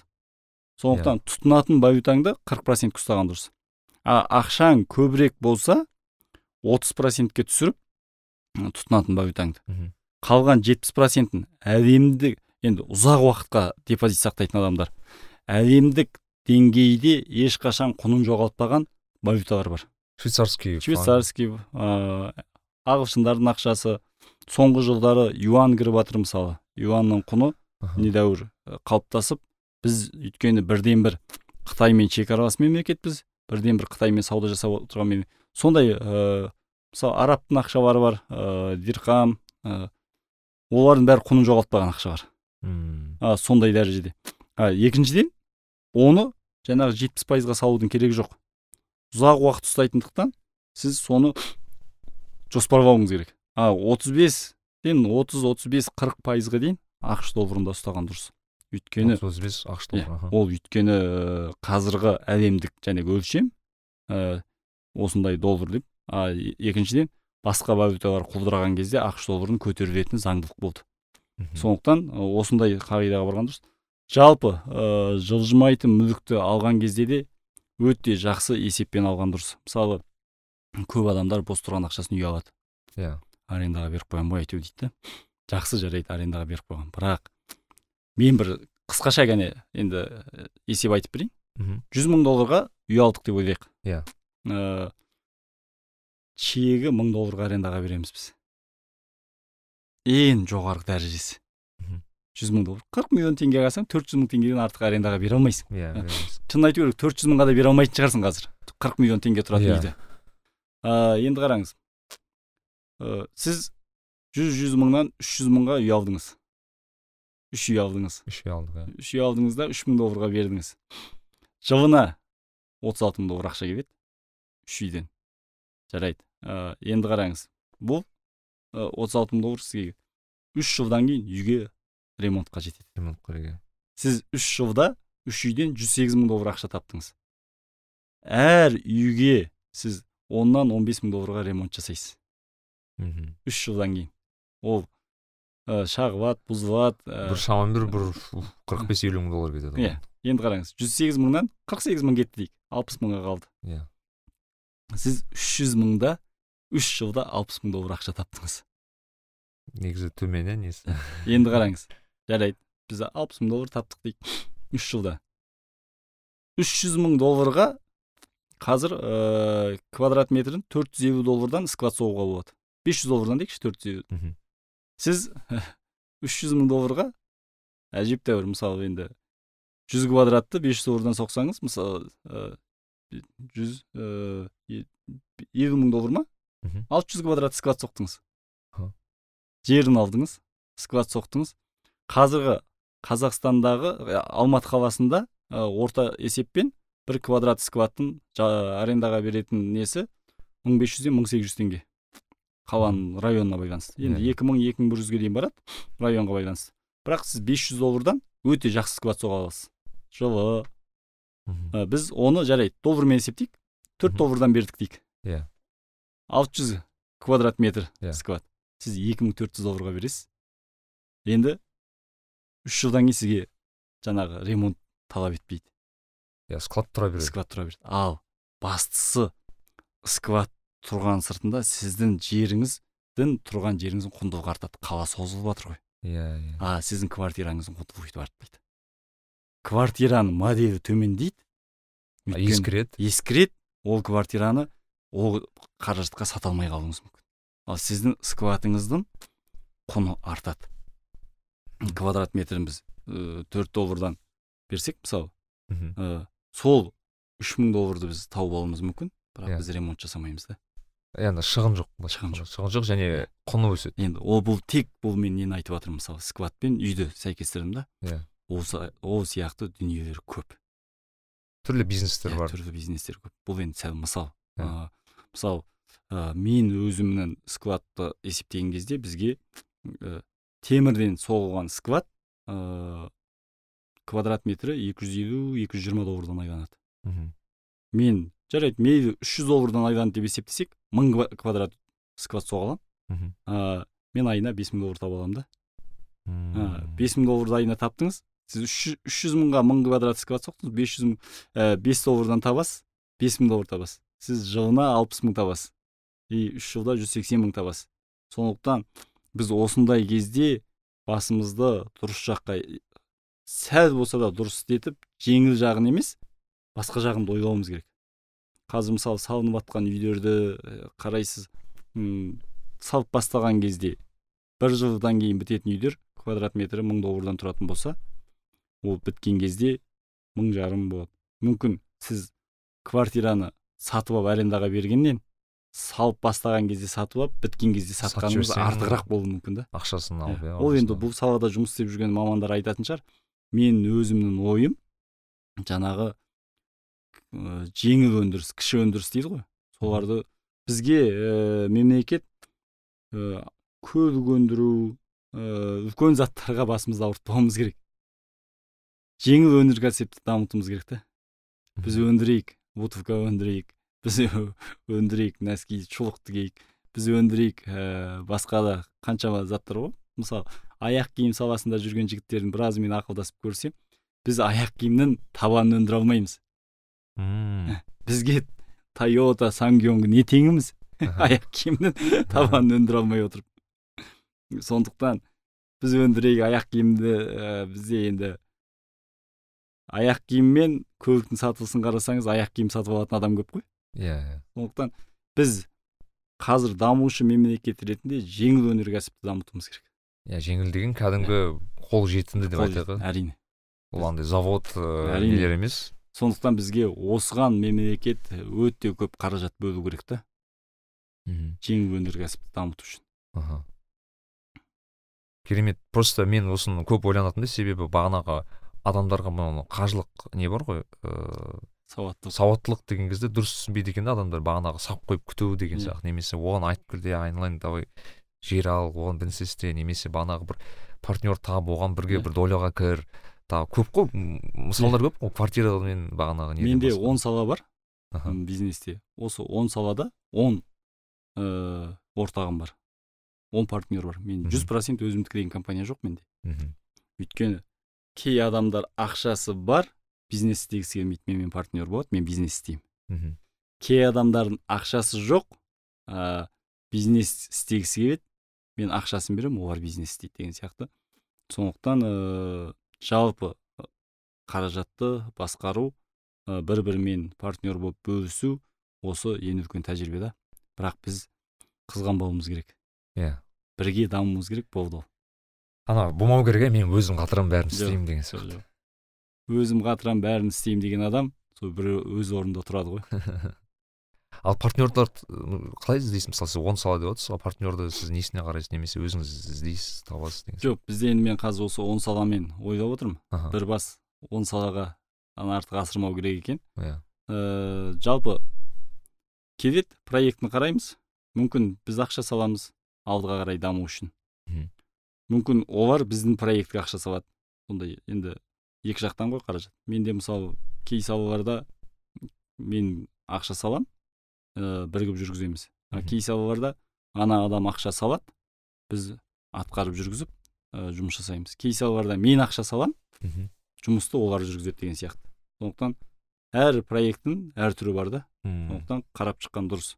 Мысалы жаңағы қарасаңыз ыыы бізде қазір ақшаны ең көп талап ететін сала өзіміздегі дөңгелек саласы да мынау Иә. біз жылына ыыы екі компания бір елу алпыс миллион долларлық товар сатуымыз мүмкін. Мхм. Бірақ ол ақша менде жоқ болса мен партнер тартамын. Мм, а партнер ақшалы адам болса біз айтамыз біз сенен процентке ақша алмаймыз. Сен компанияның осындай қырық пайызына отыз бес пайызына партнер болып кіресің. Иә. сенің жұмысың. Біз салып жатқан ақшадай ақша саласың бірақ үйіңде отыра бер. Жылдың аяғында біз есепті жасап береміз деген сияқты. Өте көп жазатындар да бар маған. Сіздің бизнеске ақша салайықшы бір жинаған бес жүз мың долларым бар еді Иә. екі жүз мың доллар бар еді. А өте көп адамдар бар. Менің бизнесіме ақша салыңызшы деген. Иә. Бірақ оның бәрін талдау жасау керек. Әрбір бизнес иә. ата береді деп айта алмаймын алдыға. Мхм. Сондықтан бәріне талдау жасаған дұрыс. Ол да бір і, орысша айтпақшы нюхта болу керек қой Иә. түсіну үшін да оны Иә. түсіну үшін де. Мхм. Дұрыс талдаулар жасауымыз керек. Мхм. Маған өзіме ерекше шын айтсам ұнаған проектіңіз анау көлсайдағы үйіңіз ә, енді әдемі жалпы мынандай екі нәрсе пайда болды қазір. Өндіріс 2015 жылға дейін дамыды. Өндірушілер көп ақша тапты. Қазір сатушылар көп ақша табатын заманға айналды иә онлайн онлайн сауда сатушы деген кім? Сату сататын платформа қалыптастыра алған адамдар. Мхм. Амазонда бірде бір өндірісі жоқ.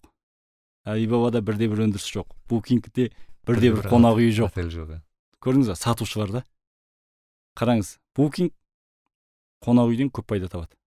Иә. Қарасаңыз оның жасап отырған системасы үлкен да. Мхм. сондықтан м, ә, көлсайдағы қалай жасадық біз? Өндіруші де өзіміз сатушы да өзіміз қазір. Мхм. біз өндіріп болғанша сататын платформаны қалыптастырдық. Ә, осы жерде мысалы жаңағы қайта иван партнерға келеді. Ә, партнер жерін бұрынғы тұрған мүлкін шығарды. Мхм. Мұнда енді ол кісіде бар возможность осы мұнда мұнда жер мұнда мүлк. Біз қаражат салдық. Біз тұрғыздық. А сататын системаны біз қалыптастырдық. Ал қазір біз партнермен бөлісеміз бәрін. Бөліп алдыңыздар ғой былайша айтқанда. Иә. бір кісі мысалы жерімен кіреді мүлкімен кіреді бір кісілер жер ақшасымен кіреді. мүлкімен кіреді. Біз қаражатымызбен кірдік. Және қаражаттың сыртында қаражатпен кірудің де екі қызығы бар. Қанша қаражат салып сата алмайтындар бар. Иә. біз қаражатымызбен кірдік оның сыртында сататын платформамызбен кірдік. Яғни сату сатуды білетін адамдармен Иә, партнер істейді. жасау керек жұмыс істеу керек әрине. Ең басты қазір айтып жатқан өндіру жасау оңай болып жатыр да сату білетіндер аз болып жатыр. Мм. Әсіресе мысалы қазір ә, туризм дамып жатыр ғой. Туризмді де сату білу деген ойымша ол бөлек содан жақсы нәрсені көрсете алу керек. Иә. Енді кейде шағымдар түсіп жатады. Сіздердің инстаграмдағыдай ләззат ала алмадық деп. Ол сататын платформа да. Иә. Ол бар зат мысалы мен өзім айта аламын мысалы ыыы кез келген не отель сататын отель кез келген бір не сататын жерлер бар ғой. Сурет 80 пайыз успех дейді ғой сол Иә. сексен пайыз осы не сатылу сатылмау сол суретке байланысты екен. Суреттің сапасы яғни көп ы, отельдер негізінде мен өзім зерттегеннен ыыы бөлек профессионал фотограф жалдайды да. Иә. ол бәрін бүйтіп жинайды сурет и сен барған кезде шынымен ойлайсың мына суреттегімен ана ожидание реальность дейді орысша екеуі екеуі сол екеуі болып қалды кейде енді осыны қарасаңыз түркия мемлекеті бір мың тоғыз жүз жетпіс сегіз ба қателеспесем сексен сегіз ба осы екеуінің біреуі әлемдегі ең мықты фотографтарды шақырған ғой. Ақшасын төлеп. Сөйтеді да журнал шығарады түркия деген. Бүткіл суреттерді түсіреді сол журналға салады да әлем бойынша таратады. А маркетинг қой маркетинг. Сол кезде әлем сол журнал арқылы түркияның жақсы жерлерін көре алады жаман жерін ешкім түсіріп жария алмайды ғой. Мгм. сөйтеді да түркияға деген ә, әлемдік туристердің ағылы осыдан басталады. Сол кезде сол журнал арқылы көрсетеді бірақ олар келгенше біз осыларды қабылдай алатын сервисіміз болу керек дейді. Қазір біз айтамыз о түріктердің сервисі бірінші орында бірінші орында деп. Бірақ қарасаңыз осы суреттер арқылы сервис бәрі пайда болған бұл. Былайша айтқанда олар ыыы қызығушылықты тарт бірінші Иә. жасады ғой. Айтты олар мына суретке қарады да мен неге мына жерде болмағанмын деген секілді. Адам ағылып келмесе түркияның бұрыннан енді ата дәстүрінен келе жатқан сервистер бар шығар бірақ мынандай дәрежеге көтерілмейтін еді да. Адамның талабымен сервис көтеріп мүмкін бізге де сөйту керек шығар сосын бір Иә. Мен енді ойлаймын. әдемі фотограф қазір біз былай жасадық мысалы ыыы қазақ туризм деген бір ұйым бар. Иә. Сол қазақ туризм мен тойота мен йокохама бірлесіп әділет рахметолла деген жігітке бір көлікті Иә. бердік. Ә, ол қазақстанның ең жақсы жерлеріне 20 видео түсіреді. Мгм. ә, қысқа ә, бір минуттық видео бар. Соны әлемге таныту үшін. Бізге анау мынауды алып келіп қазақстанға реклама жасаудың керегі жоқ. Қазір дамыған заман. Сол видеоны салып соны таргетке жіберу керек жетеді. Егер біз сондай ә, әлемге танылғымыз келіп бара жатса әлемде бірінші орында тұрған адамдарды ғана әкелген дұрыс. Илон маскыны алып келсін. Сол да жетеді бізге. А, әйтпесе анау ә, қоқыр соқыр блогерлерді әкелудің еш иә пайдасы шынымен блогер дегенде андай ағылшын тілінде инфлюенс инфлюенсер дейді ғой оларды ана инфлюенс яғни бір тікелей аударсаң өзгертетін адам деп айтады да яғни өзгертуші адам деп Иә. айтсам яғни мысалы илон маск келіп келсе менің ойымша Иә. қазақстанға ағылады сол ғой туристер. сондықтан мен де мысалы өзімнің енді бір мақсатқа қойған жобам дейін ба? Қазір илон маскінің енді кайбер трак шығады? Мгм. кайбер тракқа 2019 жылы заказ берген. Ә, кайбер трак келгеннен кейін көлсайдың тауына апарып видео түсірейін деп отырмын. Айлон кел бізге. Сенің кайбірің қандай табиғатта қандай жерде жүргенін көзбен көр. видеоны қыран талапбек болады соны көзбен көр деп мысалы. Көзбен көр. Сондай ә, ол адамдарға ақша төлеп әкелу мүмкін емес қой. Иә иә. Сондықтан сондай ләззат сыйлау керекпіз да. Сенің өндірген өнімің ә, америкадан қаншама мыңдаған шақырым алыс жерде қандай таудың басында тест драйв жасап жүрген көзіңмен көрдік. немесе бағана бір орталық қазақстан сары неден ана Көрсет- сарыарқан жерлерімен жүріп бара жатқан біз көрсетеміз соны енді алла қаласа сол алға қойған мақсатымыздың бірі. Ал ол келсе ә, оның артынан ә, келетін қаншама миллиондаған адамдар пайда болады. да әрине. Күшті керемет. Алла нәсіп етсін құдай қаласа. Маскты күтеміз. Осы подкаст тыңдаса жеткізіңіздер десең нарик билай. Ыыы сырымбек аға мысалы бір енді әлеуметтік көптік проекттермен айналысасыздар енді соның бірі есімде болса бір кітапқа байланысты еді. Иә сол қызық тұлға боламын кітап болып болды. Қайдан ол пайда болған жалпы не? Жалпы ә, адам баласы бір кітап оқыған адам мен тым оқымаған адамның айырмашылығын көре аламыз біз негізі. Жақсы қарасақ. Өзіміз кітап оқыған болсақ көре аламыз.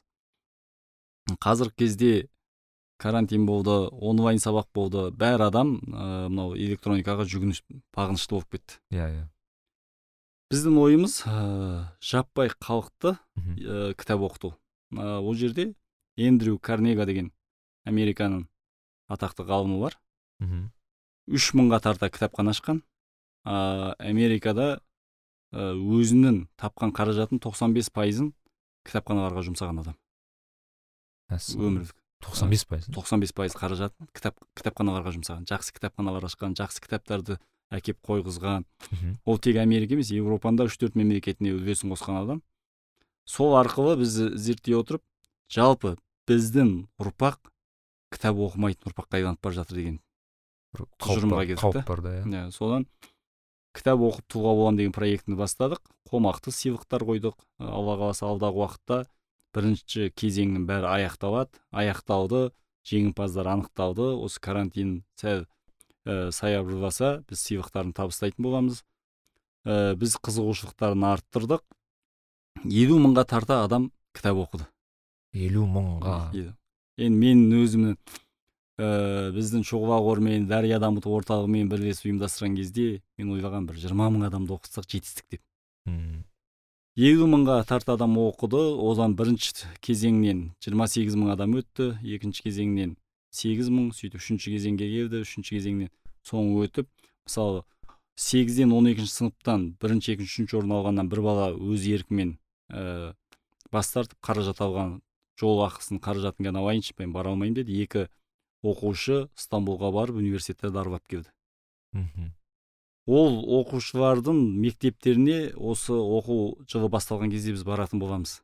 Мектептеріне де сыйлық беретін боламыз. Осы мектептен кітап оқып тұлға болған бала бар деп. Сол арқылы біз ә, жаппай ә, халыққа кітап оқыту системаны бастағымыз келеді. Енді қазір екінші кезеңін бастаймыз. Бұл тәуелсіздіктің отыз жылдығына арнаймыз. Тәуелсіздік күні ә, соңғы нәтижесін көрсететін боламыз. Енді ойлаймын біз әлі де қомақты сыйлықтар қоямыз. Ә, кітап оқитын адамдардың санын көбейтеміз. Ә, кітап ең нашар кітаптан бір бет қазына аласың да. Иә. Әйтеуір қазына бар оның ішінде. Жалпы кітапты жазған кезде ол 25 жылда 4 процентке өзгереді екен. 25 жыл сайын 4 процент өтірік бола бастайды. А. Көрдіңіз ба Қызық екен. 250 жылда 40 процент өтірік болып кетеді ол кітаптың ше. Тарих болып қалады да 40 процент. Біз- сонда актуальность деген зат бар ғой бұл иә жерде сондықтан біз кітапты оқыған кезде кітаптарға қарап біз ә, ол кітаптан руханият алатын кітаптарды оқытамыз да. Біз бизнесмен болатын кітап оқытпаймыз ешқашан. Рухани байитын кітаптар оқытамыз. Рухани баю керек. Екіншіден руханиятты рухани дүниені үйренген адам ә, жаңағындай жаман нәрсе ойлау жаман қағидаларға бару деген азаяды қазіргі нәтижеміз өте жақсы. Мен бір көрген нәтижеде жаңағы төрттен жетінші сынып оқыған оқушылардың ортасында белсенділік өте мықты болды.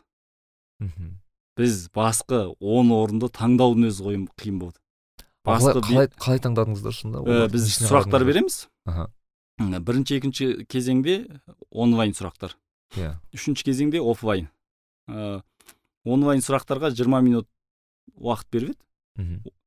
Өту үшін. 20 минуттың ішінде сен 100 сұраққа жауап бересің. Сол 100 сұрақтан алдыңғы қатарға ілесе бересің. А. 20 минуттан өтіп кетсе ә, 100 сұраққа мысалы 100-ге 100 жауап бердің 26 минутта берсең ол басқа адамдарға кіре алмайды. Шектеу 20 минут.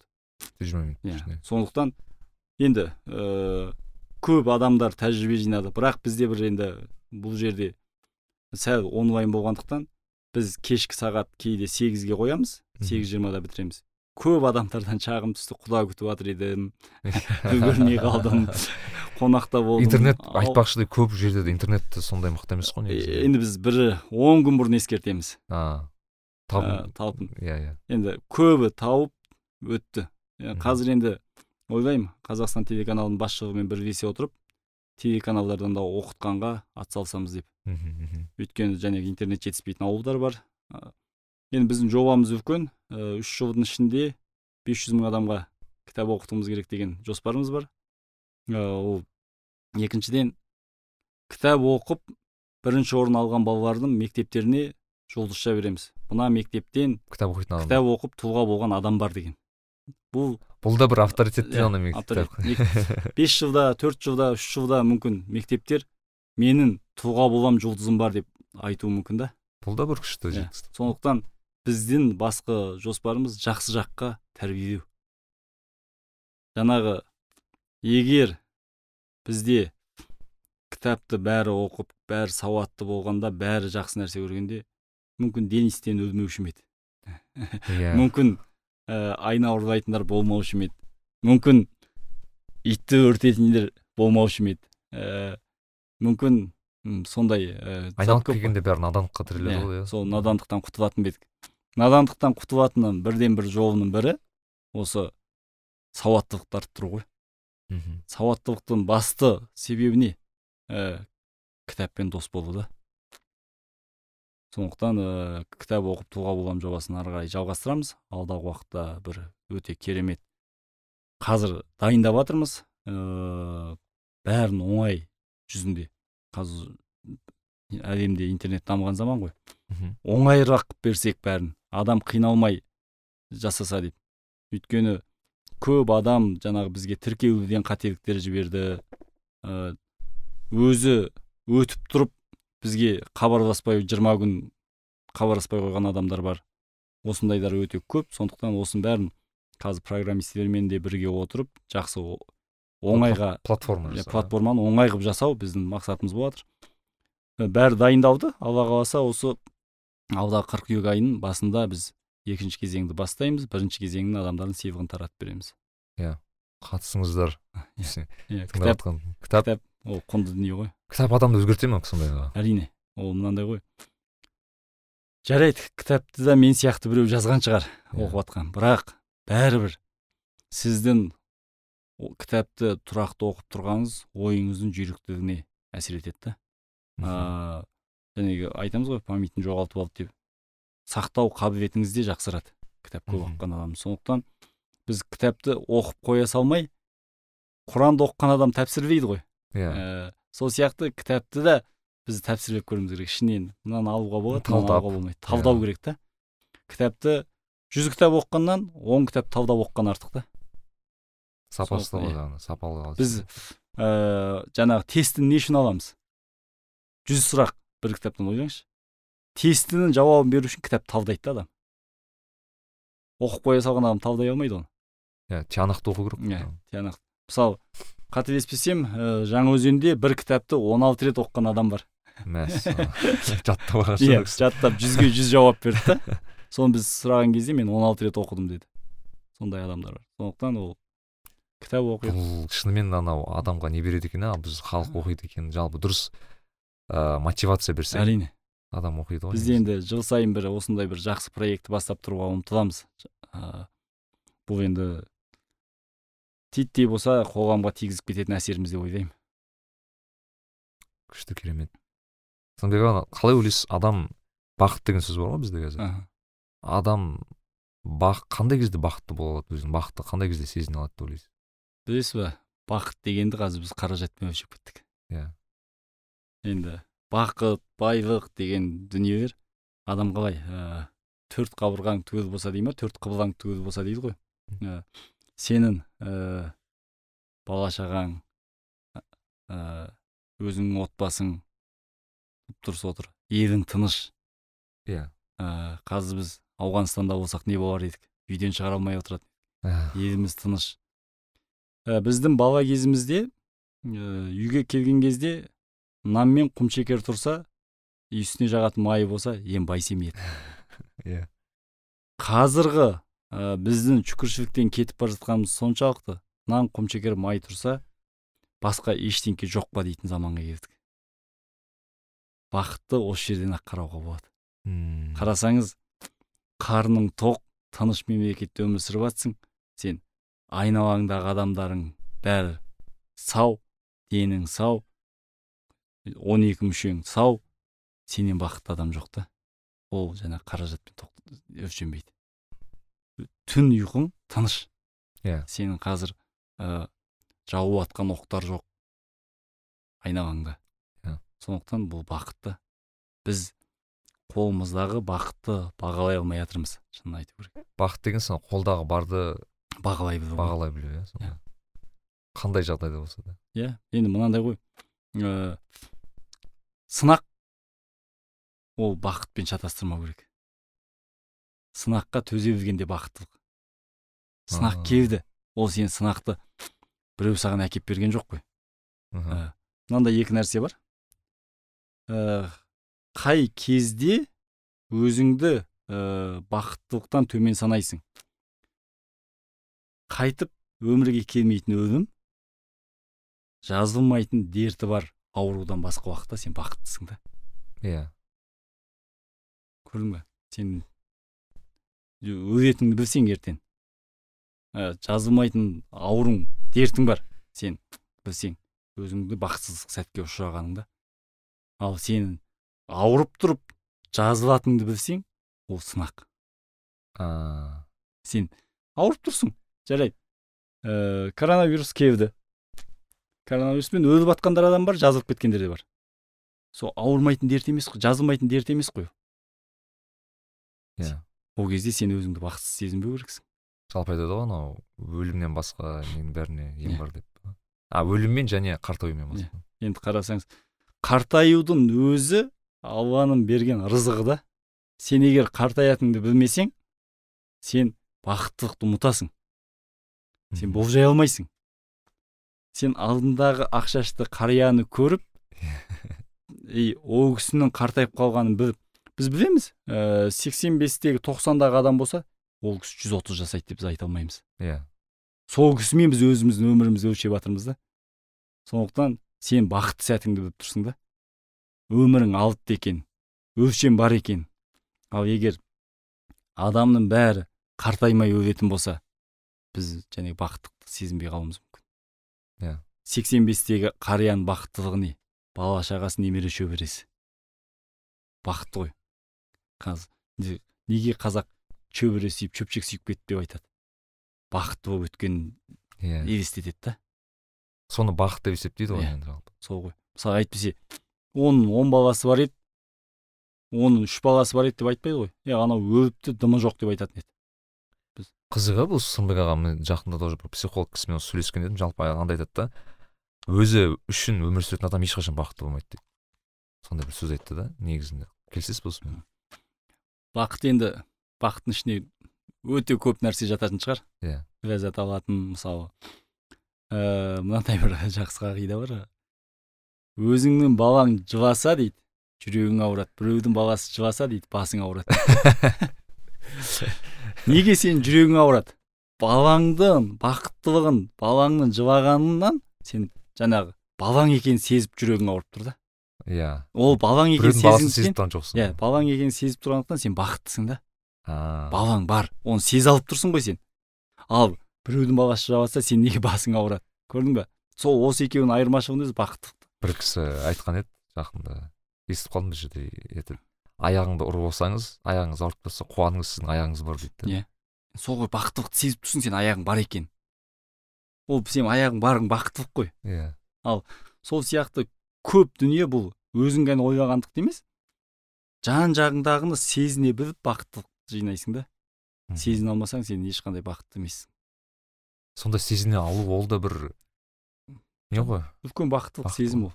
Үлкен Иә, бақыт соны сезіне де білу иә керек қой сезіне де білу керек. Мысалы бізде бір мынандай ә, бүткіл нәрсең түгел болса Иә. сен бақыттылықты да ұмытып кетуің мүмкін. Мхм. Қуана алмай қалуың мүмкін. Көзіңнің оты сөніп кетуі мүмкін. Көрдің ба? Сондықтан мынандай нәрсе. Бізде жаңағы бәрі бола беретін болса біз бақыттылықты сезіне алмаймыз. Иә. Бізде жоқ болып тұрып соны алған кезде өзің бір қуанышыңды сезінесің ол да бақыттылық та. Мхм. Сондықтан осыны біз сезінгендіктен біз қоғамда бақытты өмір сүріп жатырмыз. Сондықтан біз жаңағы айтып отырмын ғой мынау жұмыр басты жаман нәрсеге жұмсамауымыз керек. Жақсылыққа. Иә, жақсылыққа. Иә. мысалы ә, жақсы бір не бар? М, малдың шығып жатқан қанын көрмеген адам мысалы біз құрбан шаламыз иә. малдың қанын көреміз малдың қанын көрмей мысалы қазір көп адамдар айтып жатыр ғой мынау ет жемейтін елдер бар. Ойбай ол біз мал сойғанға қарсымыз басқа тамақпен қоректенеміз. Иә. ә, жеткілікті. Деп ол ә, малдың қаны мен адамның қанын бірдей көруі мүмкін. Аа, көрдіңіз ба? Иә. осы айырмашылықты айыра алмайды олар. Біз айтамыз ғой құрбан шаламыз да күнәларымыз қанмен кетеді деп. Ол неліктен? Қараңыз бізде қанды көрдік бұл қан дегенді сезіне аламыз да. Қан әйтеуір қан ағып жатыр. Сезіндік қой. Сезім пайда бар қан ағып. Ал ертең ондай малдымен малдікін көрмеген адам адамнан қан кетіп жатса да ажыратпауы мүмкін. Бірақ жүрегі мүмкін Иә. етпеуі мүмкін жүрекке мал құсап тие беруі мүмкін ол. Сондықтан осыны ажырату үшін табиғатта мал адам бәрі жаралған. Сондықтан оның бәрінің өзінің ерекшелігі бар. Ыыы қарап отырсаңыз ол әлем қазір кей нәрселерге біз жақсылық жасаймыз деп табиғи дүниеге қарама қайшы келіп қалып жатырмыз да. Мхм. сондықтан табиғи жаратылыстан қарама қайшы жүру дұрыс емес. Керемет. Мынандай керемет жағдай болып отыр. Мен өзім аузым ашылып тыңдап отырмын. Көрермендер көрмейді біз күшті студияда отырмыз. Соны сырымбек ағаға сырымбек аға көп рахмет. Рахмет. Сіз осындай Иә. сіздің мынандай бізге ерекше уақытыңызды бөліп осындай ііі өзім ерекше қуанып отырмын. Біз осыны бағдарламаның соңында бір бөлек блиц сұрақтар бар. Блиц деген яғни әр қонағымызға қоятын сұрақтар соның біріншісі ыыы осы соңғы уақытта соңғы бір жыл екі жылдың ішінде сіз өзіңізге жаған жақсы жасаған бір инвестицияңыз қандай болды? Инвестиция деген яғни кітап болуы мүмкін киім болуы мүмкін. Өзіңізге енді пайдалы болған өте зат. Ең пайдалы болған 2021 жылы жасаған өзіме жасаған инвестициям танзания мен кенияға барғаным шығар. А ұнады ма мемлекеттер ұнады. Екіншіден екі мемлекеттің айырмашылығын көрдім мен. Танзания кениядан кедей тұрады бірақ таза тұрады.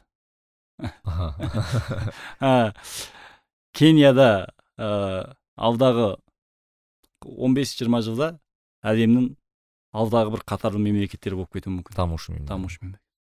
Осыларды көру енді осындай ә, жағдайларды а, неге англияның колониясы болды дегендерге өзім сұрақ таптым керемет табиғатта керемет ауа райында ағылшындар тұрғысы келген да иә мен тұрмын кім тұрғысы келмейді ондай Иә, жерде. сондықтан кения мен танзания эквадор сызығында ғой. Иә. Сондықтан оларда 28-ден 32 градус орталығында ғана болады.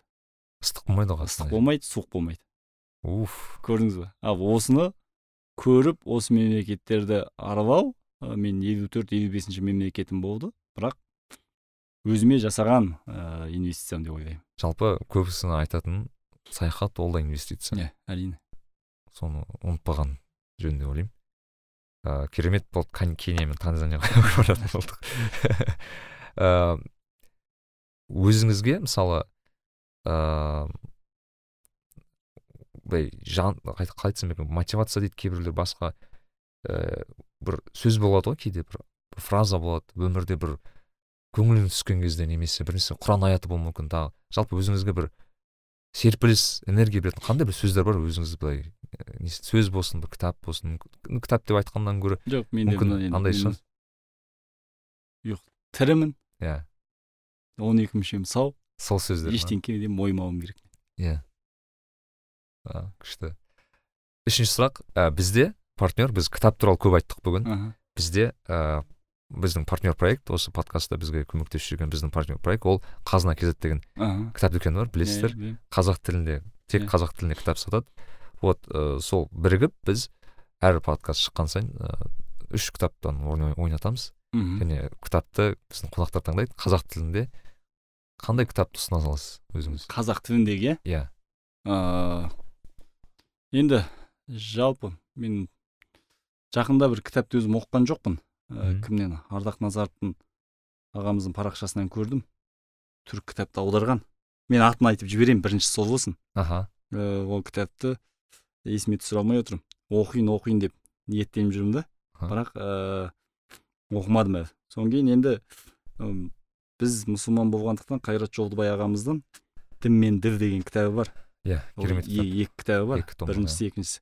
Соны ұсынайын өйткені өте керемет кітап. Мхм. Жеңіл ә, түсіндіріп берген бәрін. А, енді үлгеріп шықса тағы да айтамын қайрат жолдыбай ағамыздың кемел адам деген кітап жазылып жатыр иә.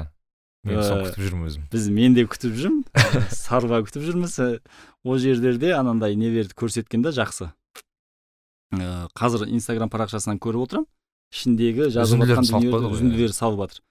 Ол кітап сол үзінділермен ақ қандай құнды кітап болатынына қарауға болады. Енді ол шықпай жатса ә, қазақ тілінде мынау финляндия ақ вавагудер мекені деген кітап аударылып иә шыққан. иә иә. Ә, сол кітапты жалпы оқыған дұрыс деп ойлаймын. Мхм. фин мемлекеті қандай мемлекет болған қалай алдыға дамыған жалғыз адам қалай оны дамытып жіберген деген сияқты осы пока төрт кітапты таңдайық. Ыыы қайрат жолдыбай ағамыздың кемел адамы шығып жатса кемел адамы шықпаса және финляндия иә. анау ардақ назаров ағамыздың салып жатқан кітабын оқыған жоқпын. Бірақ мен өзім сол кітапты ә, алдағы күндері тауып оқимын. Өйткені өте а не жайында саланы тарих. Тарих жайында. Патшалардың несі не болған сол. Осы төрт кітап таңдап қояйық осының ішінен үшеуін таңдап аламыз. Иә. Ә, осы кітаптарды жеңіп алу үшін біздің инстаграм парақшамызға өтіңіздер соның ішінде шарттарын білесіздер қалай болады ада қазақ тілдегі жақсы аударылып жатқан кітаптар көп. Иә. Ә, бірақ мен неге қарасаңыз ә, тарих біреу Иә. дін Рухани. туралы рухани байлық біреу. Ә, жаңағы кемел адам енді бәріміз күтіп жүрген кітабымыз немесе мемлекеттік ә, жүйені қалай басқарған туралы біреу сол үш саладан таңдадым енді иә иә. Керемет осы үш саланың қамтыдық бүгін. Ә, вот мен енді соңғы сұрағым ол кішкене бұл философиялыққа қаншалықты келетін бірақ елестету керек. Мысалы әл фараби көшесін алайық. Әл фараби болсын бір үлкен бір қаланың ең үлкен бір көшесін алайық. Сол жерде байқасаңыз көбінесе баннерлар тұрады да андай бір үлкен реклама. Мына йокохаманың да бар ғой мысалы қоясыздар вот реклама емес мысалы ол сіздікі да ең қаладағы ең үлкен баннер сіздікі. Мхм. Сіз кез келген затты қоя аласыз ол жерге. Мхм. реклама емес бірақ жалпы кез келген сурет басқа зат фраза мүмкін. Сіз қандай зат қояр едіңіз ол жерге? Адамдар бәрі өтіп күніге көреді сол жерде не қоятын едіңіз дейсіз ғой? Иә. Қандай мүмкін сөз мүмкін мен мүмкін бүйтетінмін адам болып келдім өмірге адам болып өту тілегім деп. Ә, жалпы біз адам болып өмірге келдік қой. Иә. адам болып өтуіміз керек та кейде біз хайуандық дәрежеге түсіп кетіп жатырмыз. Адам болу деген өте қиын дәреже негізі мен Иә. айта кетейін. Иә. ол да бір жаңағы енді анау ыыы, қателеспесем стив джобс па? Ыыы, айтады ғой гарвардқа кірген кезде ә, құранның аятын көреді. Иә иә. Сол сияқты. Бізге қазіргі кезде ә, дінді насихаттай дұрыс насихаттамай ә, дінді жек көрінішті қылмауымыз керек. Мхм. Біз ол құнды асыл затты асыл күйінде ұстап қалуымыз керек та иә асыл мұра. біз адамдарға дінді жеткіземіз деп діннен бездірмеуіміз керек. Адамдар уақыты келеді бәрі зерттейтін. Сондықтан біз адам өмірге адам болып келсе адам болып өту керек та мхм. ол басты қағида сол болу керек. Иә. сонымен ә, егер керек болса соны іліп қоятын едім. Адам Иә. болып келдік адам болып өтейік деп. Мүмкін ілетін де шығармыз оны иә бүгін, алла қаласа. Ыыы айта кеткендей бізді бұл подкастты көп адамдар машинада тыңдап жатыр. Мен оны білем сондықтан машинада айдап жатсаңыздар ә, сырымбек аға йокохамас трианглды алыңыздар бізде жарнама Мүмкін- жасайық мына жерде. Әлі мүмкіншілігі болғанша біз сіздермен біргеміз. Иә. жаңағы бір қызық нәрсе бар. Жарнама туралы. Аха. ә, мен ешқашан өзіміздің ә, сататын өнімді зерттемей тұрып жарнама жасамаймын. Иә. өйткені жарнаманы сапасыз дүниеге жасаған дұрыс емес мхм. сапасыз жарнаманы сапасыз адамдар жасайды деген қағидам бар да Иә. сондықтан жарнама жасап жүрген інілеріміз бауырларымыз ағаларымыз құрдастарымыз әпке қарындастарымызға айтатыным сапалы дүниені сапалы түрде жарнама жасайық сапасыз дүниені жасап біреудің обалына қалмайық мен тағы да ескертем сапасыз дүниені сапасыз адамдар жарнамалайды. Иә. Иә. Сапалы подкаст болсын енді осы деп па. Сырымбек аға көп рахмет алла разы болсын. осы подкаст менің ойымша біраз адамға ой салады деген өзім ойдамын. Иә, пікірдемін. бөлістік рахмет шақырғаныңа. Иә. Иә бізді инстаграм парақшамызды бөлісіп қойыңыздар. Сырымбек ағаның инстаграмына жазылып қойыңыздар. Керемет керемет посттар стористар салады. Мен өзім бәрін салып жүріп өте белсенді. жақсыны бөлісуіміз керек. бөлісу керек иә. осында бөлісіңіздер онда. Осы эпизодты бөлісіңіздер. Иә. Көп рахмет. Ыыы күндеріңіз сәтті өтсін. Алдағыда кездескенше сау саламатта болыңыздар. Нарик билай кәсіби және рухани даму жайлы подкаст.